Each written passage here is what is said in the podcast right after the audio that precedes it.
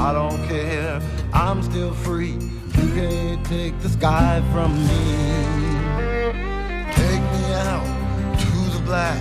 Tell them I ain't coming back. Burn the land and boil the sea. You can't take the sky from me.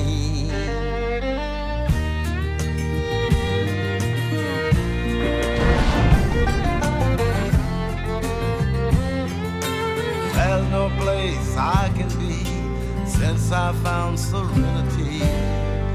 But you can't take the sky from me.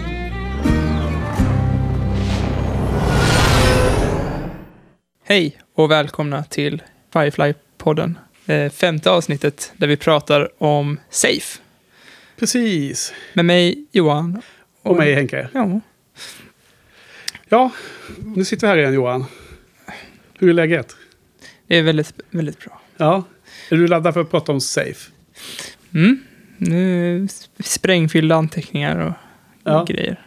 Eh, Ja, det här är ju ett avsnitt som eh, eh, har legat ganska långt ner på min eh, eh, alltså lista på hur, eh, hur bra det är. Mm. Kommer du ihåg det från när du har sett det tidigare? Det här? Var det ett, ett avsnitt som du nej, hade någon minnen från? nej, jag har nog inget minne från det här alls. Nej. Men har, har du en lista? Eh, Alltså har du en topplista som du... Nej, men, nej, inte direkt. Alltså det, jag tror nog att jag ska försöka sätta ihop någon till slutet av den här poddningen. För att det, det är alltid kul sätt att eh, avrunda den lilla resa man har gjort. När man, när man blir så involverad i, en, i ett ämne som en poddning innebär. Ja, Men, men jag, jag har eh, sedan länge tillbaka, så jag såg serien de första gångerna då, när det var nytt och, och hett liksom, och fräscht i huvudet. Då, var, då, har, då kom jag ihåg att jag tänkte att det var som fanns sju avsnitt som var bättre, de bästa sju så att säga. Det var Okej. de 50% bästa. Och, eh, och det var en ganska tydlig liten grupp då som var bättre. Eh, och det här var i alla fall en av de som ligger under halvan då, då precis som många här i början har varit då. då. mm. Eh, Och jag tror nog att det här är nog kanske det avsnitt som jag tyckt var svagast av alla 14 tidigare. Jaha. Måste jag säga. Eh, och så. Jag vet inte om vi frågade det någon gång tidigare under de här avsnitten som vi har gjort hittills. Men eh, hur var, var det länge sedan du såg serien första gången eller? Jag kommer inte ihåg hur länge. Det var, det var ju, jag vet att jag hade Twitter i alla fall. För Aha. att eh, jag tror att jag... Okej, du- jag kan inte lova. Nej, jag vet inte. Det var, det var några år sedan i alla fall. Det var kanske fem, sex år sedan eller något. Ja, det är just det där att när man tänker tillbaka så, så är det alltid fler år än vad man tror. När man tänker. Det var kanske några tre år sedan och så var det sen sex år sedan. Och sånt där, va? Ja, du menar så? Ja, så kan det det vara. var liksom längre bak. Jag, Men- jag, jag är också tidsdyslektiker, så det, man ska inte lita på vad jag säger. Nej, det är lustigt. eh, Vadå, är det något... Brukar du tänka fel när Nej, du men tänker jag, jag, ja, det brukar jag göra. Men också så här, jag har noll förståelse för folk som dig, typ, som så här, ja, den galopperande detektiven, ja, den kom 94. Ja. Här, ja, det är säkert helt fel nu, mitt exempel. Men jag, jag fattar inte hur folk kan förknippa filmer till år. Det är ett mysterium för mig. Ja, det är lustigt det. Jag på något sätt så fastnar det ofta. Och eh, framförallt de som man har skrivit om på sin blogg då. För då, då har man ju som, eh, skrivit in eh, eh, datumet. Då, Okej. då lagas det Ja. på, på något bra ställe där det är mycket lättare att komma ihåg. Men eh, jag, jag har lite både och det där. Att för vissa saker som händer i livet har man så jättedålig koll på hur lång tid det var tillbaks. Men vissa saker eh, känns väldigt eh, tydligt när det var. Så att det, det är liksom som att man har ett skelett kvar av minnen. Alltså vissa punkter, vissa så här, ett fåtal händelser som man har ganska bra koll på. Och sen så är det liksom det som är emellan är lite så här grumligt. Ja. Så funkar för mig. Men eh, jag har för mig att du har sagt också att du såg långfilmen Serenity före du såg tv-serien va? Stämmer det? ja, för den såg jag ju när den kom ut på DC++ på en gång. Ja. Och den var ju från 2005 då, känner jag ju till eftersom jag kan film det känns ju som att det är väldigt... det Att det inte var så länge. 2005 känns så länge sedan. Fast du, Nej men det ändå 13 använder år man. DC++ då? Nej. Då körde man väl... Ja, Jag vet inte vad som det, användes det då. var inte köpt lagligt i alla fall. Nej, Det kan jag spoila. vad fasen. Jag vet inte vad man hade då. Man, jag tror inte att jag laddade ner filmer på den tiden alls. 2005 var ju innan jag började plugga. Jag vet inte fan. Nej. Ugh. Men, och du sa också att du hade Twitter. När, när börjar man ha Twitter egentligen? Du frågar rätt kille, känner jag. Ja. Eh, Nej, jag, jag har fan ingen aning. Eh, Kan man ha haft Twitter i fem år? Nej, det känns länge. mm, ja, något sånt kanske.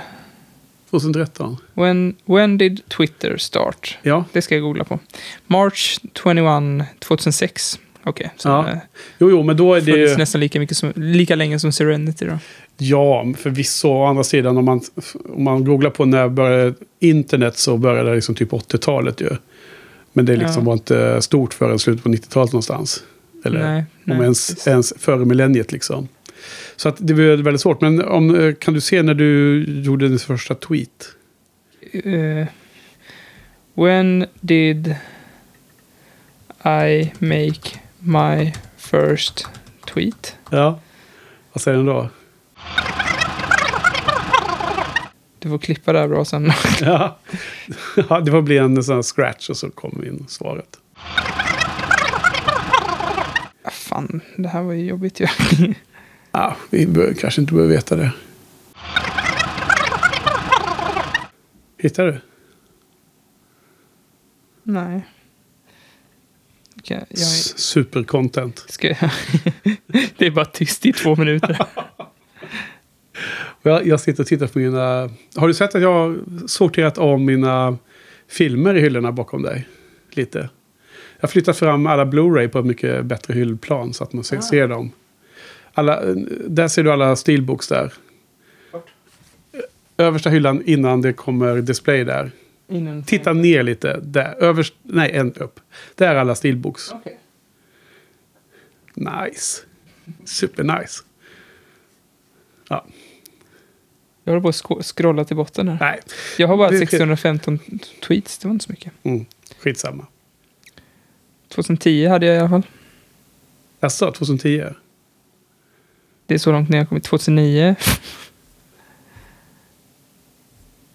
Det är ganska länge sedan ju. Okej, men ska vi köra vidare Johan? Det var, det var synd. Sorry, jag skulle inte ha frågat om det. Vad sa du? Jag skulle inte ha frågat den frågan, det var dumt. Nej, nu kommer jag sitta och scrolla hela avsnittet. 2008 var min första tweet. Okej, nu är vi tillbaks. 30 maj. Vad, vad New sa du blog nu? post. Ja, vad, vad sa du nu? Du, hur länge har du varit på Twitter? Sen eh, 30 maj 2008. Ja. Då skrev jag New blog post. .NET MVC Preview 3 har släppts. ja. Så har, är det en länk till min hemsida som inte kommer funka för att den, jag har glömt betala räkningen för den. ja. Men du hade en, en, eh, en, eh, hemsida då med blogging eller? Ja, där jag bloggar om programmering. Ja. Cool. Ja, väldigt coolt. Okej, så att du eh, skulle gissa att det var någonstans där du såg filmen då eller? Nej, det var nog precis när den kom ut. Ja, just det. Men eh, se, Serien, serien, serien. menar jag. Menar jag ja. Ja, kanske 2008. Okej, okej. Ja, jag, jag har ju sett den ett antal gånger, men jag har inte sett om eh, serien så här från början till slut jättemånga gånger. Utan jag har ju sett serien kanske tre, fyra gånger igenom. Men sen har man valt välvalda avsnitt då. Just det. Väldigt mycket olika tillfällen. Okej, så Safe var då ett av de som var svagare. Så jag vet inte, vad tyckte du liksom? Var det, var det något bra avsnitt? Eller var det, var det en revelation när du såg det idag? I, jag tycker typ, om jag ska bara dra några lite generella tankar, så eh, en sak som jag tänkte på är ju att jag inte längre jag, jag, jag tycker dialogen sitter mycket bättre nu. Mm. Eh, Jag tycker inte det längre det känns som att mm, Joss försöker skriva Joss repliker, utan de känns... Eh, naturliga är väl fel ord kanske, men det, de, de känns tajtare. Eller så Ja, det är de, rätta för den miljön. Ja, kanske. de, de passar karaktärerna och de är quippy och snabba och roliga. Och man, jag vet inte ifall man kanske inte lägger så mycket... Ja, men att man... Ja, men tajmingen är bättre kanske. Ja. Sånt. Men alltså, ja, jag måste fråga för jag blir jättenyfiken. Kan det inte ha att göra med att du har kommit in i serien i, i den här tittningen då? Att man vänjer sig med det? Ja, så jag, och jag kan tänka mig att det kan ha lite med både att göra. Att Ja. jag både är lite van vid karaktärerna, vet vilka de är Ja. och att eh, mm, de som skriver har liksom blivit lite varma i kläderna och sådär. Mm. Jag, tycker, jag tycker att det är oftare bra, så här, små bra grejer. Man blir lite pepprad av härlig dialog, medan tidigare kun, kom de lite glesare och då blev det liksom man såg det tydligare. Okej. Ja. Eh, och här är det, ja, jag tycker det, man blir lite bortskämd av de här Ja. quippiga kommentarerna hela tiden. Ibland som, alltså, just det här avsnittet var rätt bra att se om för, för att just fånga alla de här små quipsen som, eh, jag antar att det inte bara är Joss som har skrivit om, men som är Nej. jossiga liksom. Precis, för att ehm, det är riktigt nice att kunna se avsnittet två gånger varje gång inför poddningen. Ja. Och, och den lyxen hade man inte riktigt när vi körde Buffy-podden eftersom vi då körde tre eller fyra avsnitt per vecka. Nå, alltså, det hade man väl kunnat göra, men då hade man ju inte haft något liv utöver. Ja, precis. Det är klart att man hade kunnat det, men eftersom det var så många fler avsnitt så var det ingenting jag gjorde i alla fall. Nej. Speciellt ofta. Eh, Även om i början av Buffy-podden så hade vi faktiskt så att vi såg ett avsnitt här ihop på kvällen. Ja, innan det. vi poddade. Mm. Eh, Och då blev det ju en repetition på det avsnittet i alla fall. Mm. Eh, Och det var ju en väldigt trevlig grej, men det, det gör också att kvällarna blev mycket senare. Ja, och jag vet att när jag klippte ibland så och satt och letade ljud, ljudklipp så blev det ibland att man bara såg hela avsnittet igen. Ja. för att man, Ja, man drogs in i det liksom. Ja, precis. Det där det känner jag också igen. Det hände flera gånger att man såg klart avsnittet när man kom från en bra scen. Mm. Jo, nej men eh, generellt sett så är det ju, eh, har ju jag skrivit några avsnitt och Tim Marnier har skrivit några avsnitt här i Firefly. Men det är ju bra många andra författare de har med sig då. då. Mm. Eh, förra veckan var det Jane Espensen och, och nu är det någon som heter Drew Z. Greenberg. Mm. En gammal eh, som har varit med på Buffy och Ja. jobbat. Och, och Även även, Angel va? Ja, ja, han hade nog lite att göra i Angel, men jag tror han var mest i Buffy där. Jag- Han tror han tog Ja. över det. Jaha. Eh, eller, han, han var i alla fall producent och så också. Okej. Tror jag. Han har också varit med i Dexter faktiskt, en annan favoritserie. Mm. Och även i Marvels Agents of Shield då, som är den här Joss-serien. Som, det är oklart hur mycket Joss har varit involverad i faktiskt. Om Nej. jag ska vara helt ärlig. Jo, det är lite Firefly-kopia. Ja. Men, men oavsett vem som, skriver, vem som står som manusförfattare så eh, vet man ju att, eh, eller har man ju läst på och så vidare, att, eh, att de alltid hade en genomgång och Joss var där och adderade scener och drog bort och la, Mm. la, la till och så. Och eh, just det här avsnittet, Safe, så la de ju till den här scenerna med Jane när han stjäl prylar från Simons eh, Ja. väska. Jag hade faktiskt någon anteckning om det. Vad skrev jag om det? Ja, men... eh, det, ja, han har... Alltså det blir ju... Han har... Den, den var faktiskt lite eh, så här... Den passade inte helt in. Den kändes lite random. Ja. För eh, även om det är, det är Jane och det är in character för Ja. Jane så är det lite märkligt att han har någon slags stand-up-rutin helt plötsligt. För han läser ju inte dagboken, han bara liksom låtsas läser den Ja. som i karaktären Simon Tam. Och jag vet inte, det, det, det, det är ju roligt och sådär, men det ju... Det är mer roligt för tv-avsnittet men det är mindre troligt att han skulle sitta och säga något var inne och skär- stal. Han skulle bara gjort det tyst och gått ut. Ja, men också eh, hålla på sådär när, eh, när ingen är i närheten, prata Ja, för sig ja, själv. Ja, det är så himla märkligt. Ja, jag eh, håller med. Ehm, vad heter det? Ja, men det är kul i alla fall att eh, du gillar ehm, stilen på dialogen och så mer. För att det, det var ju riktigt så här jobbigt, inte jobbigt, men det var ju trist att höra liksom när du sa att, den- att den var så här lite för extrem och lite för så här quirky. Ja, för efter förra avsnittet så sa du ju så här att, att du var orolig att, du, att jag inte skulle älska den här serien. Och sen så sa jag, men det är ju inte ens säkert att jag gillar serien, Nej. för det gjorde jag ju inte sist. Och du höll ju på att få en hjärtattack. Det här var ut efter inspelningen? Ja. ja. Ja, jag vet inte om det var så riktigt jag menar, men, men eh, fine. Ja. Det är klart jag hoppas att du kommer gilla serien lite som att eh, det hade ju aldrig blivit någon Buffy-podden om inte man hade gillat eh, säsong ett och ja. en bit in i tvåan. Jag menar, någonstans hade vi gi- givit upp om minst en av oss bara hade ruttnat på det. Liksom. Ja, och det här, det här kommer du ju inte ge upp. Om, om jag bara bailar på dig så kommer du ju bara fortsätta själv, tror jag. Ja, du kommer inte... Det, det är ju... eh, tur i oturen så är det ju inte så många avsnitt så jag tror att vi ska kunna orka hålla ut ändå va? Ja, jag tror att om jag säger att jag inte fixar mer så kommer du åka hem till mig och hämta mig. Eller precis. kanske ta med dig en mikrofon. Med baseballträ. Men jag tror att eh, du kommer inte våga säga något annat heller. Jag är nog tuffare än vad du tror. Ja, ja. ja, och sen är det någon annan eh, sån här eh, gammal eh, Buffy och Angel-snubbe då som heter Michael Grossman som har regisserat det också. Mm. Och jag tror att han har gjort en del, eh, alltså från säsong sju i Buffy. Han har gjort en, eh, några av de allra eh, sena, alltså sista avsnitten i hela Mm. Buffy-serien. Så han kommer väl in där runt där nere. För det här, det här den här serien, Firefly, gjorde de ju parallellt med Buffy och Angel pågick. Och det är liksom precis sjätte och sjunde säsongen tror jag där, någonstans där. Ja, just det, för att han höll på med tre serier samtidigt Ja, han höll på att jobba ihjäl sig. Ja, nej men så safe då, då. Det är ju... Eh, eh, det är ju ett, ett eh, Simon och River-centric.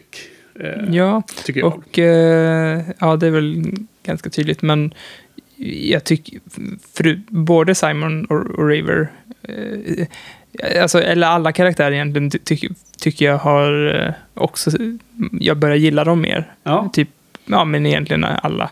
Men eh, just Simon och River, det är ju sjukt att man får spendera, jag vet inte, två minuter med dem som barn och man tycker redan om barnversionerna bättre än, än vuxenversionerna. ja. Så det, det är ju lite tråkigt, men ja, båda har ju växt, men inte lika mycket som de andra. Nej, men det är, ju- det är eh, tillfredsställande att flera av de karaktärerna som man inte hade så mycket fokus på i de första avsnitten får mer och mer tid och de får mer och mer kött på benen. Mm.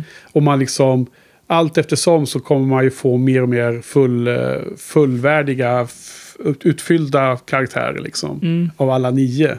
Och, och jag tycker nog att eh, liksom Zoe till exempel så är en, en som man haft väldigt lite fokus på. Ja, Och hon är inte med, alltså hon har inte jätteviktig roll här i det här avsnittet heller. Nej. Det är liksom inte något fokus på henne. Men varje gång man ser henne och varje gång hon interagerar med Malcolm eller att hon med Book eller något sånt där. Eller hon och Kaylee och sådär. Så växer ju karaktärerna långsamt. Precis som du säger. Och det, jag känner precis samma. ja. Eh, Och River är en annan som bara har varit liksom... Och du har ju belyst det och poängterat det. Att liksom, nä- nästan som att man bara kastar upp henne att hon ska bara vara konstig. Liksom. Det är det enda hon har att bidra med. Hon ska vara konstig. ja. Men nu börjar man ju... Alltså nu, nu får man se mycket mer sidor av henne i det här avsnittet. Vilket jag bara tycker är otroligt eh, bra. Ja, ja, men några små glimtar i alla fall. Ja, men, jo, men alltså, vad jag menar mycket med att till exempel att hon... Hon är inte... eh, Inled, inledningen där när hon är så här crazy och börjar kasta saker omkring sig. Mm. Så förstår man ju det med var hon kommer ifrån från någon plats när hon sen, när man, hon plötsligt, helt plötsligt blir mycket mer skarp. Ja, ja, det är väl de- de- mindre, mindre galen. De glimtarna är som jag syftar på när hon är lite normal ibland. Ja, De är ju helt klart bäst. Men när hon skriker där i början, då håller man ju typ bara med Mäl. Att bara, men f- ännu mer skit i din repertoar, liksom. Nu får du fan ja. skärpa dig.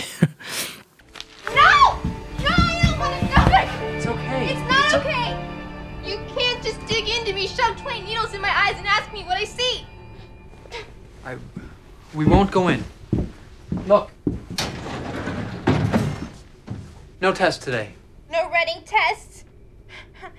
Stupid son of a bitch dressed me up like a Goram doll! Mm.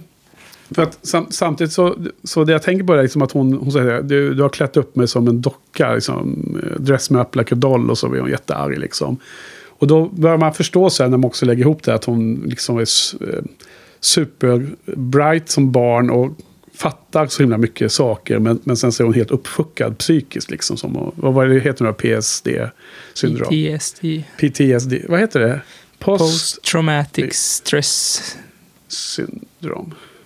Syndrome. Någonting. Ja, Okej. Ja, men alla vet vad vi menar.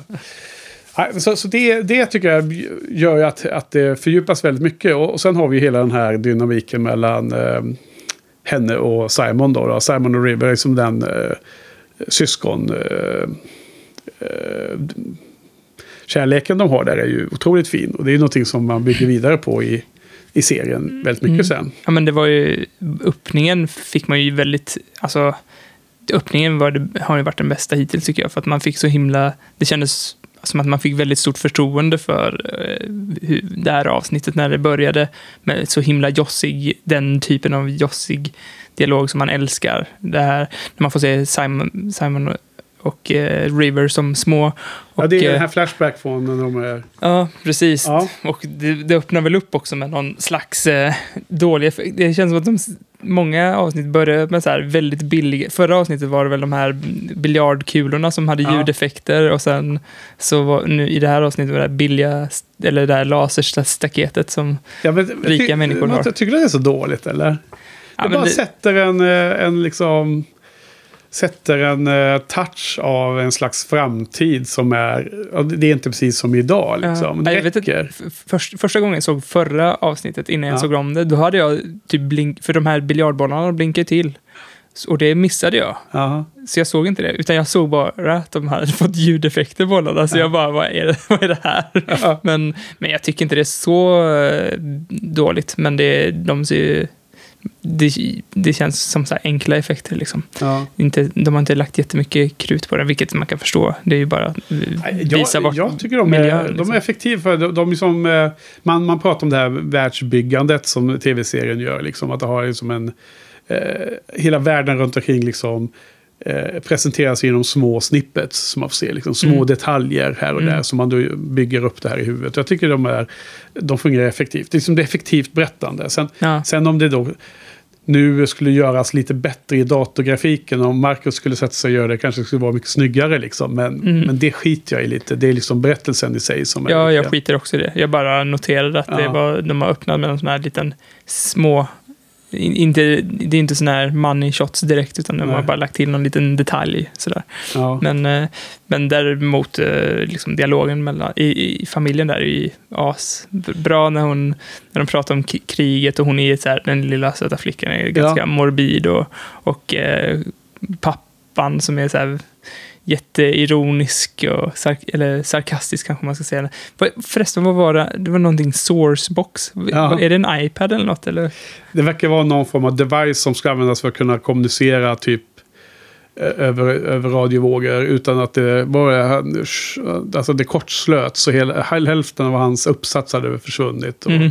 Det antyddes att pappan hade fått ett problem på sin sida när han var på något möte. För han sa att han var på möten när det hände. Mm. Som om liksom, det blev dåligt då från han också. Ja, Jag vet inte exakt vad, det, vad tekniken bakom det skulle betyda. Det nej. är antagligen bara eh, författaren bara skrivit något så här konstigt tekniskt och så hoppas man att eh, ingen Ja. bryr sig. Liksom. Jag kan tänka mig det som en iPhone eller något sånt där. Ja. Nej, men avsnittet som sådan är väldigt orienterat på tem tematiska frågor. Då. Dels, vad är eh, familjen? Den eh, biologiska familjen kontra den, eh, den familj man hittar när man, när man bor ihop på ett, ett litet rymdskepp som Serenity. Ja. Dels eh, fadersfigur. Eh, den, pappa Sam kontra om nu Mal ska vara en ställföreträdande fader. Och dels ehm, eh, med eh, syskonrelationerna. Då, då. Jag tycker alla de här sakerna är ju eh, kopplade till varandra och, och eh, jäkligt nice hanterade Ja, avsnittet. måste Men alltså, typ alla Joss avsnitt eh, handlar ju om den obiologiska familjen. Men här handlar det, tyckte jag, alltså inte, inte tematiskt, men att de, man fick det här syskonparet som uppenbarligen liksom, eh, liksom separerats på något ganska tråkigt sätt från sina föräldrar. För de vände ju helt sen och var inte lika mysiga senare. Nej, Och de liksom ryckts från den familjen och liksom välkomnats in i den här obiologiska familjen Mm. som är, som är ja, Mals, eller Serenitys ja, familj. För, för det, finns så, det finns flera saker som är kul att grotta ner i som jag måste höra vad du, hur du tänker och, och hur du uppfattar. Ja, Eh, och det ena är ju det att ehm, vid flera tillfällen så, så sägs det liksom att Mal är... Eller mm, visst kan man tolka som att Mal är pappan i det här läget. Liksom. ja, det är ju väldigt bokstavligt där i slutet när eh, River säger “When his daddy come, coming to get us”. Ja, Do you remember when we found those giant hodgeberry bushes on the Camersons estate? And we thought they'd grown wild, but. Hmm. Long while ago. Took you away from there. No. I know I did. You don't think I do, but I get confused. I remember everything. I remember too much. And some of it's made up, and some of it can't be quantified, and there's secrets, It's okay. but I understand. You gave up everything you had to find me. You found me broken. It's hard for you. You gave up everything you had. Mamie, everything I have is right here. You need to eat. Keep up your strength. We won't be here long. Daddy will come and take us home. And I'll get better. I'll get better.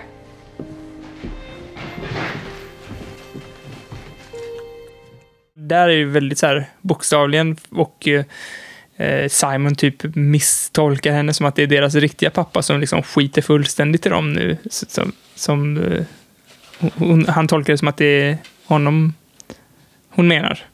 Och eh, letar efter, alltså det Ja. du hade säkert rätt. Nej, men jag, jag blir osäker nu. Eh, jag måste försöka hitta... Därför, för, att, för, för poängen är ju att... Eh, det, det är så många olika frågor jag har runt det här. Vi måste ta dem i rätt ordning. Först och främst, okej. vad, vad tycker du om pappa Simon, alltså Gabriels... Eh, vad säger jag? Pappa Tam, Gabriel Tam.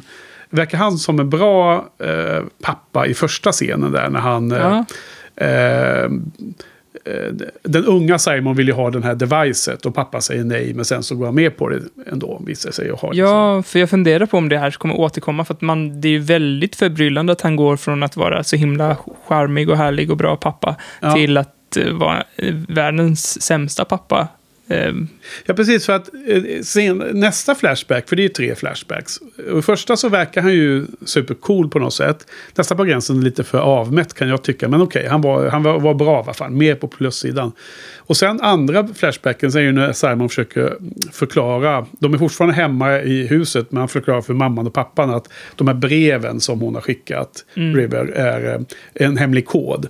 Och de hänvisar till någon bal de har varit på som, hos någon familj som de inte ens känner. Liksom, och så. ja, och det verkar ju vara ganska många år emellan kanske, men, men samtidigt så är det ju verkligen 180 grader som... Ja. Precis, och, och sen tredje flashbacken, då är det när Simon har till och med blivit tagen av polisen och då kommer pappan och måste eh, som bail him out och det blir liksom eh, permanent record och allting på deras eh, profile då som myndigheten har. Och, och då är han liksom, då är han helt kallsinnig mot att hjälpa eh, River. Så vad tror du har hänt där? Och, och är, frågeställningen är lite, vad tror du att Joss skulle ha dra, gjort någon grej av det här i en senare, om tv-serien har fått fortsätta liksom? Det är ju det som är en väldigt spännande okej. Men då, spekulation. då kommer det inget mer i alla fall, du som har bättre koll än vad jag har. Nej, men tyvärr, alltså jag kommer inte ihåg, jag tog, jo, jag, det finns fler flashbacks och jag kommer inte ihåg exakt om det finns fler från Simon och, och River, men det finns bland annat fler flashbacks från kriget, vet jag, Ja. i senare avsnitt. Så att de, de jobbar lite med det, men de har ju inte liksom flera säsonger där man verkligen kan utforska vad, ehm, vad liksom Vad som ligger händer. bakom deras eh, förändring i attityd Ja, till exakt. River och Sam. Jag kan tänka mig, eh, om- som jag har förstått av Tim Minear, att han eh, gillar sådana här eh, svåra eh, val. Ja. Att, att de har sagt att, du får, att de har varit- tvungna att välja mellan något barn eller någonting hemskt i alla fall. Att, Ja. Som gjort att de var tvungna att, att offra ett barn för av någon anledning. Ja, för, för det, det, det beskrivs ju som att, att det finns... Eh, att familjen har, har fått reda på att det finns en jätteavancerad skola som, som då skulle passa River. Ja. Och att hon hjärtgärna skulle vilja åka dit. Och, men när hon väl åkt dit så förlorar de kontakten med henne till slut. Och, och då är det, för det är ju censur och allting, så de får inte kontakta omvärlden. Så, att, så att jag har inte funderat jättemycket på det förr. Men nu den här rundan så tycker jag det är jättespännande. Frågeställning. Liksom. Vad, varför blir det så snabb svängning i de här flashbacks och vad har det för någon betydelse? Ja, Alltså, jag, jag, jag tänker att antingen så är det bara att föräldrarna döljer, alltså, döljer det hemska för Simon för, för hans bästa. mm. Eh, Och att de har givit upp River. Eh, Men det, det känns liksom, tycker jag, som en mer svag lösning på det. ja, men för då hade de ju inte varit så... eh, Då hade de nog varit deprimerade eller något. Ja. Det känns, nu gick de ju på dinnerpartys och grejer. Ja, ja. Så de verkar inte jätteledsna. Även om de inte verkar som de roligaste människorna. eh, Till, alltså, det har de väl kanske aldrig varit, men de var ju lite sarkastiska och hade lite jargong i början i alla fall. Ja, ehm, precis för att pappan håller på att um, retas lite med Simon innan han, han berättar att den där devicet har beställts. Men, men framförallt så tycker jag det framkommer också liksom att det var så här viktigt att Simon blir en här fin läkare och han kan till och med bli den här medical elect eller vad de kallar det som jag gissar är någon slags typ, eh, du vet så här ehm, hälsominister eller något sånt där liksom, Ja. inom regeringen och sånt liknande. Men det kände jag mer hörde till den stereotypiska pappan som Mm. man snabbt skulle sätta att han var en hård pappa. Liksom, ja. eh, Men hård men kärleksfull och sen det. vände det till hård och elak. Och sen, Ja. med, jag tänkte på det med de här hillfolks som man stötte på i det här Ja. avsnittet. Att de gick ju från att vara elaka till ändå så här, hade en poäng och eh, kanske ett eventuellt hem till Simon och sådär. Till att vara vidriga igen. Så Ja. då kan jag tänka mig att eh, det är ju klassiskt kanske. Eh, inte jätteklassiskt Joss, men det känns lite jossigt att man eh, vrider på man, man twistar hela tiden och då kan jag tänka mig att de, de föräldrarna går från att vara snälla till elaka till snälla igen då. Jo. Att man förstår varför de har gjort som de har gjort och de kanske de kanske håller på och försöker lösa det på, själva på eget eh, vis och vill inte att, eh, att eh, Simon ska bli indragna i det där. Ja, precis. Men det, det är ju det, som- det är den ena, den liksom mer eh, godartade förklaringsmodellen vad som har hänt. Ja, men det, det, kan ju också, det kan ju också vara något illa att, Ja. att de har valt bort henne men också försöker mm, liksom, lösa det på ett annat sätt. Även fast de har fått göra de här tuffa valen. Eller något. Ja, nej, för att, för att den andra tolkningen som jag tänker och som jag nästan känner är mer trolig i mitt Mm. huvud. Det är att, att de är verkligen elaka eh, på det sättet att de, är de skiter verkligen i eh, vad som har hänt henne. Ja. Det, det är inte så att de försöker skydda Simon, tänker jag det här. Och jag tänker att de har varit mer eller mindre, men, men till och med även mer, skulle kunna vara mer involverade i att gjo- gjort det här mot River som har hänt. Och, och det, då, då, då, då tänker jag att de är liksom djupt involverade i hela den här alliance, den här, den här government eller det här stora eh, Blue Sun då som är styr allting och som, som är liksom eh, ondskefulla i någon mening som, som är eh, Malcolm Reynolds stora fiende liksom. Och att, att föräldrarna är så pass insyltade i det så att de liksom offrar sin, sin eh, dotter i det hela liksom. Och, och det, jag tycker det skulle kunna varit en spännande framtida eh, tråd som de hade kunnat jobbat med och nysta i mycket mer om, om tv-serien hade fått gå i flera, flera säsonger.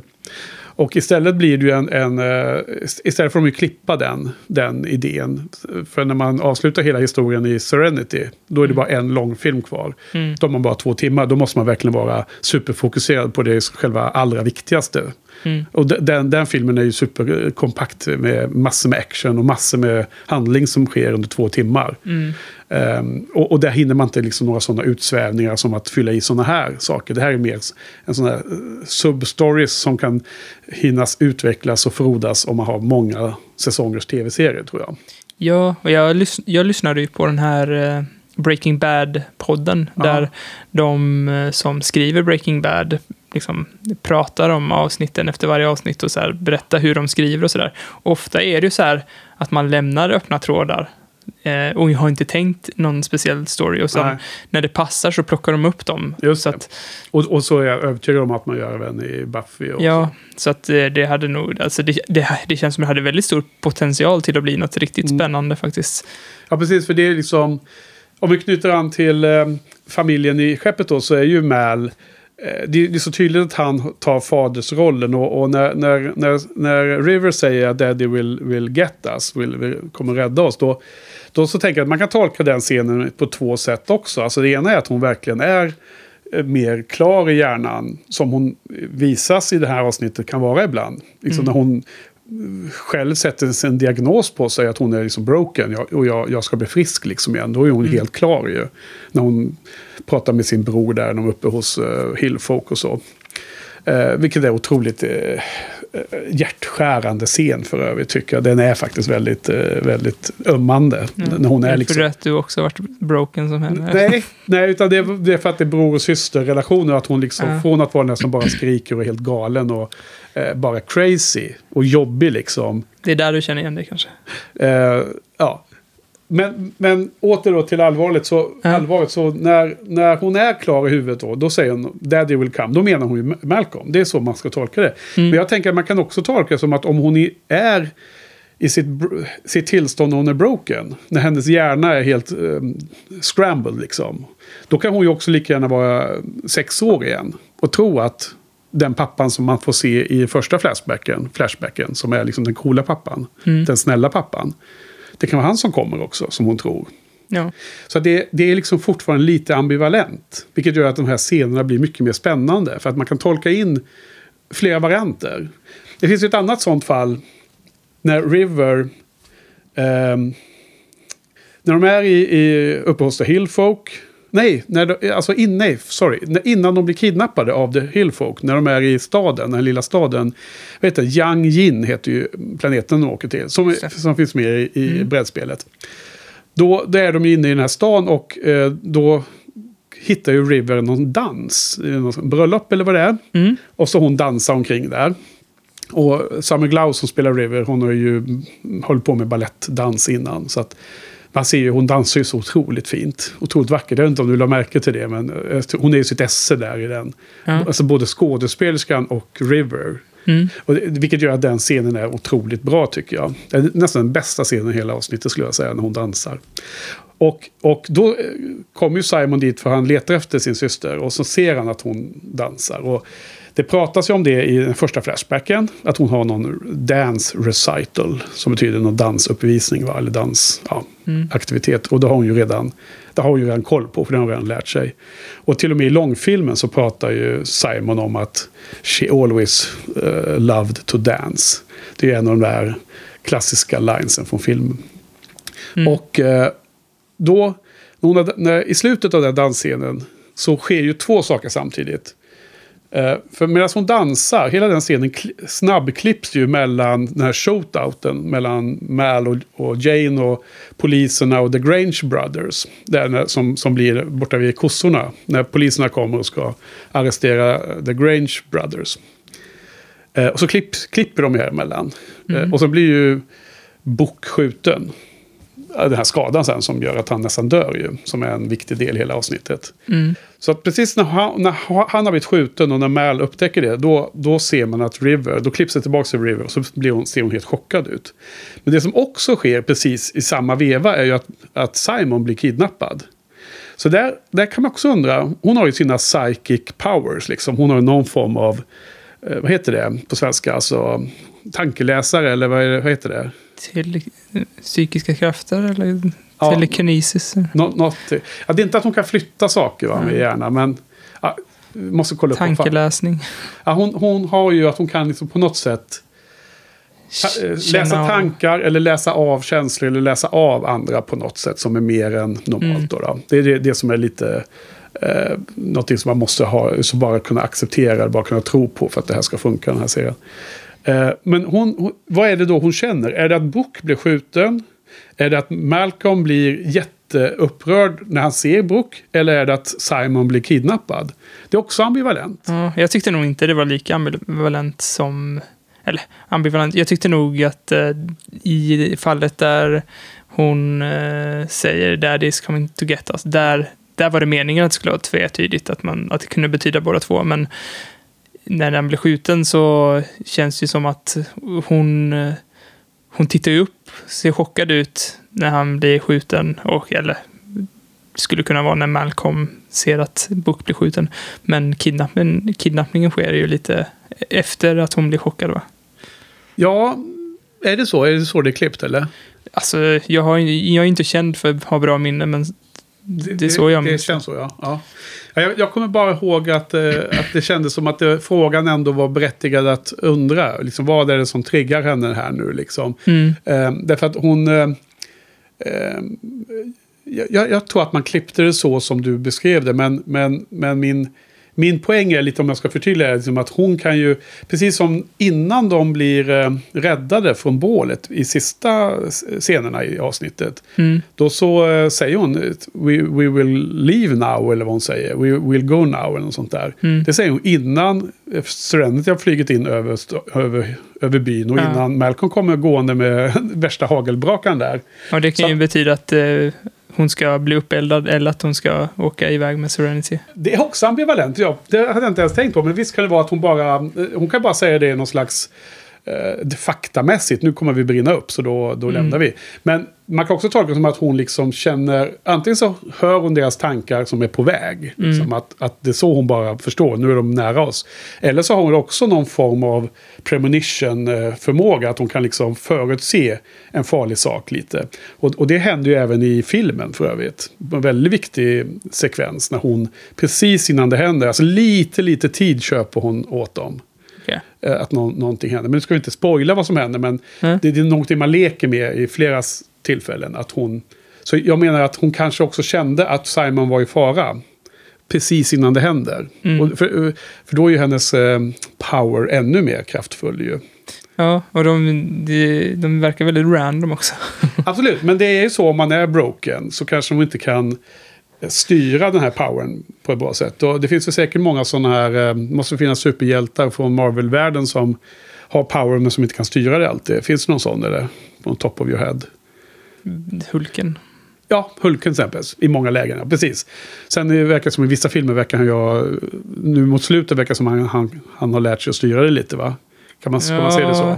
det är väl tvärtom att han, han inte kommer fram istället. Han tjurar. Ja, just det. Senast var det så också. Ja. Han vågade inte släppa fram honom på något sätt under medvetet. Tror jag det var. Mm. Men just det, men i de första versionerna så kunde han inte styra det alls själv. Och sen någonstans i mitten så... Jag tror i Avengers så styrde han väl det lite, va? Att han slog på av där. När de fightas mot de där aliens-maskarna. Mm, så är det. Ja, ja, okej. Men Hulken var ett bra exempel. Så att jag tror att hon, det kan vara en sån grej. Uh, nej men så, så det är härligt. Och sen då att Malcolm då är... Uh, om, om, familj, om hela de här nio huvudpersonerna i serien är som en stor familj. Eller som en liten familj som är familj på grund av deras relationer och inte av blod och så. Så det är klart att han är pappan. Och, och sen är det så himla tydligt då att de gör en skillnad där. Malcolm är ju väldigt barsk och väldigt icke kärleksfull om man jämför hur han pratar med Simon. Simon tror ju att Malcolm hatar honom liksom. Och det är därför han undrar så mycket i slutet varför Malcolm kommer och räddar dem. Mm. Han kan inte förstå liksom, för, för, du, för, för att den här första scenen när, när Malcolm bara kommer och säger att nu måste du få tyst på din syster för annars kommer de här alla kossorna råka i panik här på. Mm.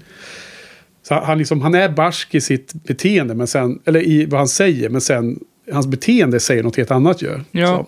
och eftersom Simon inte känner honom längre så är han chockad lite. Att, Ja. att bara, men gillar du mig? Du har ju sagt massa elaka saker. Men de andra i crewet, de är vana vid att ja, men Mel, han säger elaka saker men gör snälla saker. Ja, för det, är precis, det, det finns ju en parallell med det vi diskuterade hur, samma sak i förra veckan med Mel och Inara. Liksom. Mm. Hur han kallar henne för whore men han, han behandlar den på ett annorlunda sätt. Jag tänkte inte på, framåt på den här liknelsen med Safe. Men nu ser jag den, ser den ganska tydligt. Liksom, att de, de implementerar det flera gånger om. Liksom. Mm. Och då kan man också se den jämförelsen med eh, eh, Gabriel Tam då. Hur han liksom är snäll då i den första flashbacken när, när, när, eh, när det handlar om att köpa en pryl till sonen och, och liksom sådär. Och han är lite cool med barnen där. Men sen när eh, Simon har fått för sig att River är liksom i riktig fara, då är han Mm. bara helt kallsinnig. Liksom, då är han inte alls den där skyddande fadern som, man, som han behöver vara då, i det Nej. läget. Nej, men han är anti-Mal verkligen. Ja, är, är, det, tycker du att det är för simpelt och för uppenbart? Eller, eller tycker du att, att tv-serien gör en bra, balanserad, nyanserad så här jämförelse mellan de här två? Eller, eller, är det Jag- allt det här för simpelt tycker du? Jag tänkte inte ens på att det, det, det, jag hade inte ens tänkt på den parallellen. Att, Ah, att, eh, att eh, Gabriel var någon, eh, någon mörk motsvarighet till Mal. Liksom, eller en liksom, motsats till Mal. Utan jag tänkte mer att så här, det var deras gamla familj. Ja. Nu, nu är han... Det här var liksom att han blev invigd i den nya, eller de två blev invigd i den nya. Ja, just det. Så här, både att de accepterar dem Mm. genom att komma tillbaka och hämta dem, men Mm. också att de eh, förstår att nu är vi en del av Mm. en Serenity-familjen. Så Ja, nej, alltså, det, det är lustigt att det här avsnittet, att jag kom ihåg det som svagt jämfört med övriga eh, Firefly då. Det är fortfarande hög nivå, men det, det, det har, har lyssnarna redan hört nu. Så det, det får vi anta vara väl etablerat att jag tycker allting är bra, men om jag har en intern re, rela, relation då. Eh, Men när man ser avsnittet och nu liksom börjar bryta ner det och tänka på olika teman och olika saker som de behandlar så är det ju superintressant faktiskt. Jag menar, till exempel det här med Home då är ju väldigt intressant. För det är också otroligt mycket i subtexten i det här avsnittet som handlar om vad som är ett hem och inte. Och, och det så börjar med en flashback till eh, syskonen Tams hem, bokstavliga hem med föräldrarna. Men det blev ju inte ett hem. Och det säger ju även Simon i den tredje flashbacken. Hans pappa hotar honom. Och, sä- och pappan säger så här, om du, om du liksom eh, gör mer sådana här saker som du blir tagen av polisen. Alltså underförstått om du försöker hjälpa River mer. Då, då får du inte komma hem längre liksom. Eh, har, har du tänkt på den risken? Och, och då svarar väl eh, Simon någonting om att jag, jag, jag, trodde inte att det var så lätt att... att eller eh, pappa säger någonting, då, då kommer du så förstöra vårt hem och vår, vår familj, säger han väl förresten. Familj säger han. Och då säger Simon någonting om att jag trodde inte att den var så lätt att förstöra. Liksom. Men att då har redan familjen och hemmet liksom brutits bort Ja. från honom ju. ja, men det, det är ju typ det man känner exakt som honom. Så här. Ja, men det kändes i första scenen som att de hade starka band till varandra. Och sen, jaha, vad- hade vi inga starka band helt plötsligt? När man bara helt plötsligt skiter i sin dotter. Ja. Eller sin, sin familjemedlem. Är det så man gör? Så, Ja, och, och sen så etablerar de ju så var, var är hem i den här serien. Och redan förra veckan så när de flyger till Persephone, eller Persefone som vi alltid säger när vi spelar spelet. Då så säger um, Wash eller Zoe någonting om att det känns som att vi kommer hem nu. Och så säger Malcolm någonting. Nej, vi, Persephone är inte hem liksom. Underförstått det är Serenity. Vi, ni, ni ska inte liksom slå er till ro här för vi måste lämna med en gång. Säger han ju. Och här är lite samma sak. Ehm, när Simon eh, dyker upp i den där ehm, lilla shoppen som Kaylee och Inara är i. Och, och står och tittar på sån här eh, någon tallrik som Kaylee funderar på att köpa som gåva till Simon. Vad, vad tycker du om hela den scenen för övrigt då? När, ja, första gången tyckte jag den var lite töntig. Sen tyckte jag den var rätt eh, mysig. ja, eh, andra gången. För, speciellt, eh, speciellt, eh, ah, vad heter hon? Kaylee? Kaylee.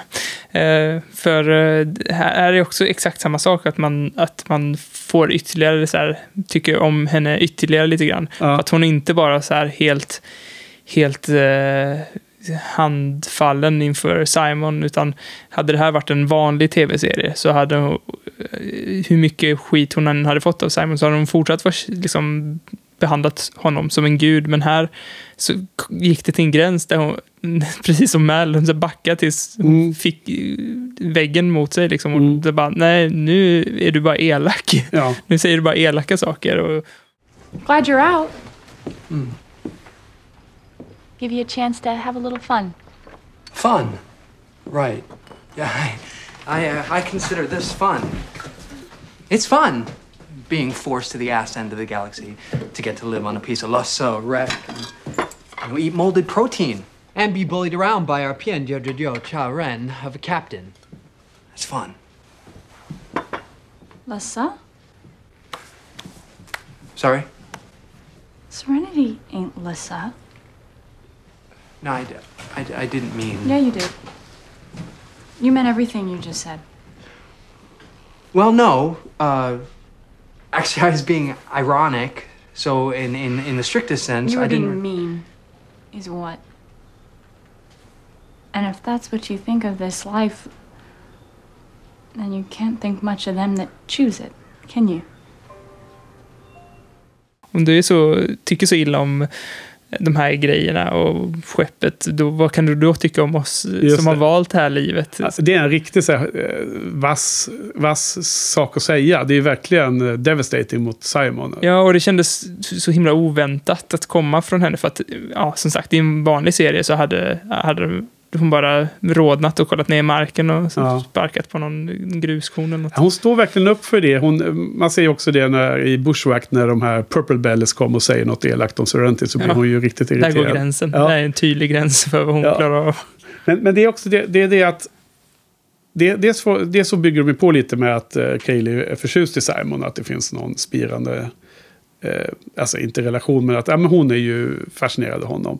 Och, och, och sen då, då så börjar han ju prata om Serenity i den här iron. Han, han säger ju det... Alltså för det första är han ju helt eh, upptagen med att tänka på River. Och sen så hamnar han bara i en konstig konversation och säger något jäkligt dumt. Ja. Extremt oövertänkt, ogenomtänkt. Ja. Och eh, han bara säger något för att han egentligen tänker på en annan sak. Någonting man kan känna igen sig i sitt eget liv. Man har sagt to tokiga saker så ibland menar man det och då är det liksom, ja då får man ju stå upp för det liksom. Men ibland så menar man inte alls det för man har liksom, av någon anledning så har man bara sagt något tokigt som man inte ens menar liksom. Nej. Eller hur? Bara, bara en dålig dag liksom. Ja, eller som i hans fall, han är ju superstressad över att han och River inte ska bli tagna av polisen och att hon springer omkring som en, som en bebis och ska ta på allting och liksom riva ner grejer liksom. En dålig dag helt enkelt. Ja. Eh, och, men då, vad han, att, vad han säger, det elaka han säger som Kaeli verkligen reagerar på, som jag också tycker är helt fantastiskt att hon gör det, det är ju liksom deras hem som man klankar ner på. Att Serenity är ju kast liksom och eh, han äter så äcklig proteinmat eh, varje dag och sådär. Och så det är ju deras, det är där de alltid bor liksom. Så att hon reagerar ju helt klockrent på det. Att sen hon också säger det, det är bara good for her liksom, stå upp för sig själv. Mm. Eh, och, och sen bygger de vidare på den, på den teman i allra sista scenen när alla är tillbaka på skeppet och de har den här middagen. Mm. Och då har de ju massor med schyssta saker då, för de har ju nyss varit på den här planeten och de har väl köpt lite grejer på marknaden liksom med grönsaker och de äter väl biff. Mm. De har väl slaktat något av de där kossorna de sålde och sådär. Och då har de en sån här superhärlig middag. Och då är det ju liksom en otroligt varm scen. Liksom. Då, då, är, då märker ju Simon också att, antar jag, att det här är ju hemmet liksom. Mm. Det han tidigare i samma avsnitt bara klankade ner på. Så Mm. har de bara vänt på hela den steken om man nu får vara lite lustig. Ja. Så det tycker jag är en att, snygg, eh, snygg eh, symmetri där eller två olika sidor. Ja, och det slutar ju också med att han drar ut stolen för Kaylee Ja, där vid middagen. liten- och ja, så ser man att så bara, ah, okej, du är förlåten typ. Man, man ser det i hennes ansiktsuttryck. Ja. Och man såg ju också även precis efter han hade sagt det och hon liksom svarade på det. Att han ångrade sig på en gång Ja. att han hade sagt det. Så att, mm, ja, det var, det var väl fint att de blev vänner igen. Ofta är det, ofta är det liksom ganska starka scener och känslor som pågår i serien. Som då får en uppföljning av jättesmå detaljer. Som är, som du sa nu, han eh, drog ut stolen för henne. För att visa sig artig och visa liksom den respekten som han visar. Ja, För han är ju alltid så här, han ska alltid vara den här artiga personen. ja, Eh, någonting som också kommer i ett senare avsnitt när Kaylee kritiserar honom för att han aldrig kan liksom, let loose, liksom, släppa loss lite. Ja. Och, eh, men vi får komma till det då när, när, den, när det avsnittet kommer. Men eh, det är de här små detaljerna. Jag, jag la inte ens märke till det nu när jag såg det. Och kanske aldrig har gjort det. Men det är det som är så himla guld tycker jag med den här serien. För att ofta är det liksom helheten i den här lilla saken som har hänt nu i det här fallet mellan Kaylee och Simon under det här avsnittet avslutas ju med den lilla detaljen. Och Ja. ser man inte den lilla detaljen då får du inte se helheten. Då får du bara se 80% av liksom den här Ja. interaktionen. Ja, men också, jag tror att också man registrerar saker undermedvetet. Att man så här, ja men de är cool nu för att de har haft middag tillsammans och så har man typ registrerat att de utbytt någon blick eller något sånt. Det är det som är så himla bra med Joss och han, de writers han väljer då. Att eh, de är duktiga på att inte bara skriva dialog utan även eh, visa visa istället för att... Ja. Hade det varit en annan serie hade, varit, hade han gått fram till henne och sagt är vi cool eller? Och då hade Ja. hon sagt ja, men här är det bara en mik mikrosekund där han drar ut stolen och de by- utbyter en blick och så får det säga mycket mer än att de måste prata med varandra om det. Ja, och, och eh, även om den där scenen när Jane först stjäl saker av Simon för att han tror att Simon och River är försvunna för gott. Och sen hur han kastar in grejerna igen när, han har, när Simon har kommit tillbaka till skeppet. Även, även om den känns lite så här påklistrad och, inte helt eh, klockren som du var inne på tidigare. För att, eh, för att han säger saker trots att han är ensam. Så, eh, så är, visar den, bygger den ändå... Eh, den, den spelas ju för humor av Joss, men den bygger ju ändå karaktären Jane lite Mm, mer. verkligen. Och att Jane inte gillar eh, Simon är ju ganska tydligt och även River, men att han framförallt ser dem som inte tillhörande gänget eller familjen. Mm. Eh, eh, bygger nog det på ganska mycket. Plus att han ser eh, som en eh, ekonomisk vinst om de eh, säljer dem till Alli- Alliansen för att få eh, Bounties. Då, då. Mm. Men framförallt att de inte ingår i det här innersta gänget av de fem. Mm. För av de nio huvudkaraktärerna så är det ju fem som, som bor på skeppet. Som, som, det är där de bor. Uh, Nara hyr ju en, en skyt, skyttel. Mm. men har bott där länge. Så hon är ju liksom näst närmast. Och sen är det då tre passagerare. Det är Boko, Simon och River. Och de blir ju mer och mer del av familjen då. Men man ser även en annan sån liten mikrosekund i den här middagen i sista scenen som du såg eh, med, med stolen. Det är ju att när Jane tar mat, han tar en stor brödbit och lägger på sin tallrik. Så sträcker sig River över och tar hans bröd från hans tallrik. Jaha, det missade jag, för jag såg att han sträckte sig och tog en brödbit till. Ja. Det såg jag, men jag såg inte att någon tog hans. Nej, så River tar den och måste han då ta en till när Zoe redan fått tag på brödskålen. Och det är också lite så här att istället för att liksom vara arg på henne eller liksom ta det som en, eh, en hotfull eh, gest så, är, så, sk- så skrattar han bara bort det. Som om liksom hon är en lilla syster. Ja. Precis som han hanterar Kaylee ofta. Alltså han, han retas med Kaylee och han är liksom oftast lite jävlig mot henne. Men sen när hon blev skjuten i första avsnittet i piloten så var han ju superorolig och så här när hon opererades och allt det där. Så att det var lite samma tendens där. Så man såg ju att de liksom, både Simon och River har kommit lite närmare in i den här familjen nu liksom. Ja, men jag, jag, Väldigt vänt, fint. jag väntar på att Jane ska få det här eh, eh, Seppo-avsnittet där man får liksom förstå hans karaktär lite mer. För nu, är, nu är, beter han sig väldigt konstigt ofta och det, eh, man, man vet inte riktigt var man har honom. Liksom. Ja. I alla fall inte för min del som inte har sett, eller jag har ju sett allt men... Nu har ja. allting. Men, det är ju lika härligt som när vi gjorde Buffy-podden Ja. att du inte hade sett det egentligen. Men eh, det, det var tydligt, eller jag, jag tänkte på en grej när, när de ska fösa ut korna. Och då säger han, det går snabbare om man bara drämmer till dem. Ja. Och så bara, nej men, så här, det går lika bra att liksom fösa ut dem. Och han bara, I Ja, men- like smacking them. Ja. Och då tänkte jag på det, för att jag, när jag var liten så brukade jag hjälpa till i, i en laggård Ja. och så här, typ strö och lite sånt. Och då skulle vi fösa ut korna någon gång. Och då bara kommit på värsta lifehacket, det är att skrämma ut dem ju. Ja. Och då fick jag en utskällning av bonden, för så gör man ju inte. Man Nej. vill ju vara snäll mot djuren. Och så här. Ja, det kanske inte är så uppbyggande att skrämma dem, men eh, Mal ville liksom leda ut dem och eh, Jane ville smack... I like to smack, smack them, säger Ja. han väl. I like smacking them. Det, det lät precis som att han pratade om sina, eh, sina tjejer också. Liksom, det kanske inte riktigt menat. Men du, den här bonden, var det, var det, var det verkligen med eh, ömkan för djuren? Var det inte för att det var risk att de skadar sig om de springer ut för snabbt? Kanske.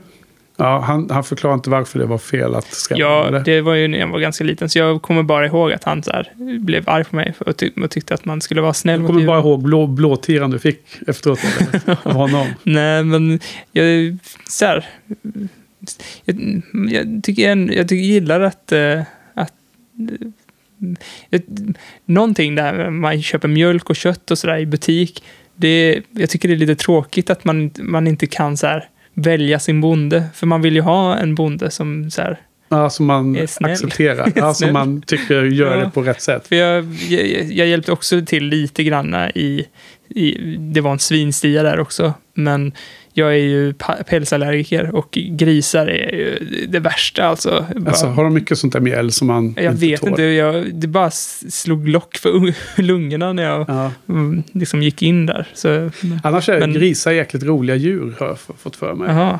Ja, men det här, jag klarar inte av att vara där riktigt. Men, men de är också så här väldigt ja, men kärleksfulla mot djuren. Och det, och det känns så himla paradoxalt när de ska ha ihjäl, Ja. ihjäl dem och käka upp dem. Nej, men jag hoppas att det, det finns ju mycket sådana man kan beställa för lokala eh, närodlat och lokala kötthandlare och sånt som man kan få hemskickat och så nu för tiden här Ja. i Stockholm. Ju. Och eh, jag, jag kan bara hoppas att det blir mer av sånt. Ja, Jag håller helt med om att det, det känns mycket mer men det är bra. samma sak när man typ handlar saker på nätet. Man saknar ju det där. Man vill, mm, okej, det, den här tvn är billigare, men man vill ju ha någon som så här, eh, man, gill, man vill köpa av någon man gillar liksom. Någon Ja, som, men du vet, eh, jag har ju eh, snöat in på det här med vinyler nu då senaste tiden. Ja. Som du vet, du har sett inne i vardagsrummet. ja, jag hjälpte dig bära lite idag. Ja, precis. Tack. Tack så mycket för det, Johan. Eh, nej, men alltså, det är ju billigare om man beställer dem på nätet. Och då får man hem dem helt opersonligt liksom, med ett paket. Och så får går man och hämtar på posten. Men, men jag åker ju och köper ibland i sådana här skivbutiker här i Solna och i Stockholm. Just för att det är liksom... Man vill promota de här som har små butiker och hankar sig fram och liksom försöker få det att gå runt och sådär. Mm. Och säljer både nya och begagnade skivor då förstås. Och, och liksom bara, det- det är trevligt att gå in i butiken och stå och bläddra i backarna och sen köpa några skivor. Alltså, oh, fine, det kostar 20 spänn mer per styck då, eller whatever det nu är då. då. Mm. Jag tycker det är helt klart värt det. Det är, det är lite samma sak som du är inne på här då, va? Ja, Antar jag. ja. Eller? Jo, men verkligen. Och också så här kunna få en... Ha, ha sin... Det här är min vinylhandlare, det här är min Ja. liksom, kötthandlare. Så det här är, det, det är en jäkligt lustig, kom är man sd om man tycker så? man vill ha det som det var bättre förr. Ja, det hoppas jag verkligen inte att man ska kunna smeta SD-stämpel på det också. Man måste, det, det hoppas jag inte. Men alltså jag, hade, jag har ju en där i Solna som jag går till en del. Men sen så gav han mig ju en, en skiva. Och så såg jag, som var inplastad och helt ny, Neil Young. Eh, för Neil har, Neil har ju släppt eh, alla sina gamla vinyler eh, i, i som kronologisk ordning i nypress då. Och då har de en speciellt... Eh, Alltså det, originalomslagen som man har, man har återskapat och sen så är det en- ett speciellt märke där nere. Det står eh, Neil Young eh, Original Series, liksom för Archives. Då, då. Så att det är de nya med jättefina utgåvor och 180 grams vinylskivor och sådär. Och då skulle jag köpa en där och så var den inplastad. Men så såg jag den var ju helt böjd i ena hörnet där uppe. Alltså den var ju liksom böjd, skadad. Så jag sa det, det, har du något annat ex? För att den här är ju böjd liksom. Den är ny, den är inplastad men den, den, har, den har liksom böjts. Han var nej tyvärr, det har jag inte. Så här. Och då så tänkte jag, ja, men vad fan, skitsamma då. Jag tar och köper den här ändå. För att ja, dels vill jag liksom eh, promota initiativet att ha en butik. Det, som, det måste gå runt för, för sådana personer som gör sånt. Liksom. Det är en bra grej att ha i samhället. Så kom jag hem och så öppnade den och så tittade jag. Åh, fan vad trist att den var böjd och så. Men skitsamma, det kan man leva med. Och sen var jag där liksom bara några dagar senare för jag skulle leta efter en annan skiva eller vad det nu var. Ja, men då har han ju fler av den exen. Då står det ju en helt ny, likadan, som inte var böjd. Jävla asshole. Då hade, och, och då var det så här, ska jag börja jiddra med honom nu då? Liksom, och kommer han ens ihåg att vi hade den diskussionen? Och hur ska man liksom stå här och eh, hålla på och göra en scen av det? Där han bara, ja, så jag bara, jag bara droppade det, lät det vara liksom. Men eh, jag har inte varit där jättemånga gånger efteråt. Det känns som att han förlorar en ganska, potentiellt sett ganska givande kund. Ja, men det är det jag lite så- menar. Att man, det, man får en så här naturlig... Eh, eh, de som är duktiga och passionerade och snälla, de, de överlever. Ja, man, ja, exakt. Alltså det, jag, jag, Fast- blev lite, jag blev lite snopen och besviken i samma känsla, liksom. I samma samtidigt. Ja. Lite, Ja, men när man, försöker, man vill liksom vara den eh, som promotar de här Ja, hjärt... hjärt eh, ja. ja. Det är samma sak om man går in och köper i bokhandlar som är så fysiska butiker. Eh, Och där är det ju alltid billigare att köpa på nätet. Men, men det är så otroligt mycket trevligare att gå liksom och browsa in i en affär och se på omslagen, hålla i boken och titta på det. Så här. ja. Mm. Men du, åter till... Jag måste bara slutföra min lilla tes här om det här med Home. För att Eh, även sen när eh, de kom upp i den här Hill Folks, när Simon och River har blivit kidnappade. Mm. Vilket är för övrigt ganska rolig dialog hela tiden när han pratar med Dora Lee. Hon, hon som jobbar i sjukstugan där, som är mm, som byns eh, lärare, tror jag det verkar Ja, just det, det var det. För de, hon, han säger någonting till henne, du som lärare borde liksom Mm. inte tro på så här vidskeplighet som häxor och sånt. Ehm, men då, då så säger hon, ja men livet tar ju dig till olika ställen och nu kan ju det här vara ditt hem då, säger hon. Och, så. och han tycker, nej det är inte livet som har tagit mig hit, det är kidnapparna som har tagit mig hit. Och, jo men du var ju på en journey liksom. Och här är nu är liksom journeyn, den här resan tagit slut och nu är du hem här, hemma här. Och, och liksom, han håller inte alls med om det. Men det är också liksom i den här tematiska, liksom, vad är ett hem egentligen? Mm. Eh, och det lade du förstås märke till. Eller kommentarer? Nej, nej jag, jag tänkte... Jag ja. tänkte inte riktigt. Men det var ju roligt. Det var en rolig scen ja. när han eh, tyckte det var härligt att bli kidnappad. Hon, Ja. hon reagerade så himla oväntat också. Jag kommer inte ihåg exakt vad hon sa, men typ så här. Don't hate, appreciate. Ja, men något så här, så här. var- inte så negativ liksom. Det är väl inte fel att vara kidnappad om man Ja. hamnar här. Typ. Ja, han säger massor med roliga, spydiga kommentarer till den i alla fall. Eh, De här nya de här karaktärerna som är med i det här avsnittet som är med i The Board Game. Ska vi eh, rekapitulera? Ja, Alltså dels har vi Grange Brothers. Det är ju en stark crew-kort. Eh, De kan bära två, två saker. För de är ju bröderna, du vet. Ja du, Det ligger i Regina Högren. alltså, du har sån sinnessjuk koll på det här. Alltså, det sjuka är att det är hur många kort som helst och du har sån jäkla stenkoll på dem. Ja, alltså, alla spelkorten, inklusive alla expansions, som, som vi har. Ja. Du vet, det är ju nästan tusen. Jag tror inte man kommer över tusen stycken kort, men det är nästan. Men Grace Brothers eh, är ju med. Det är de som ska köpa boskapen och som sen då blir eh, den här shootouten med eh, poliserna.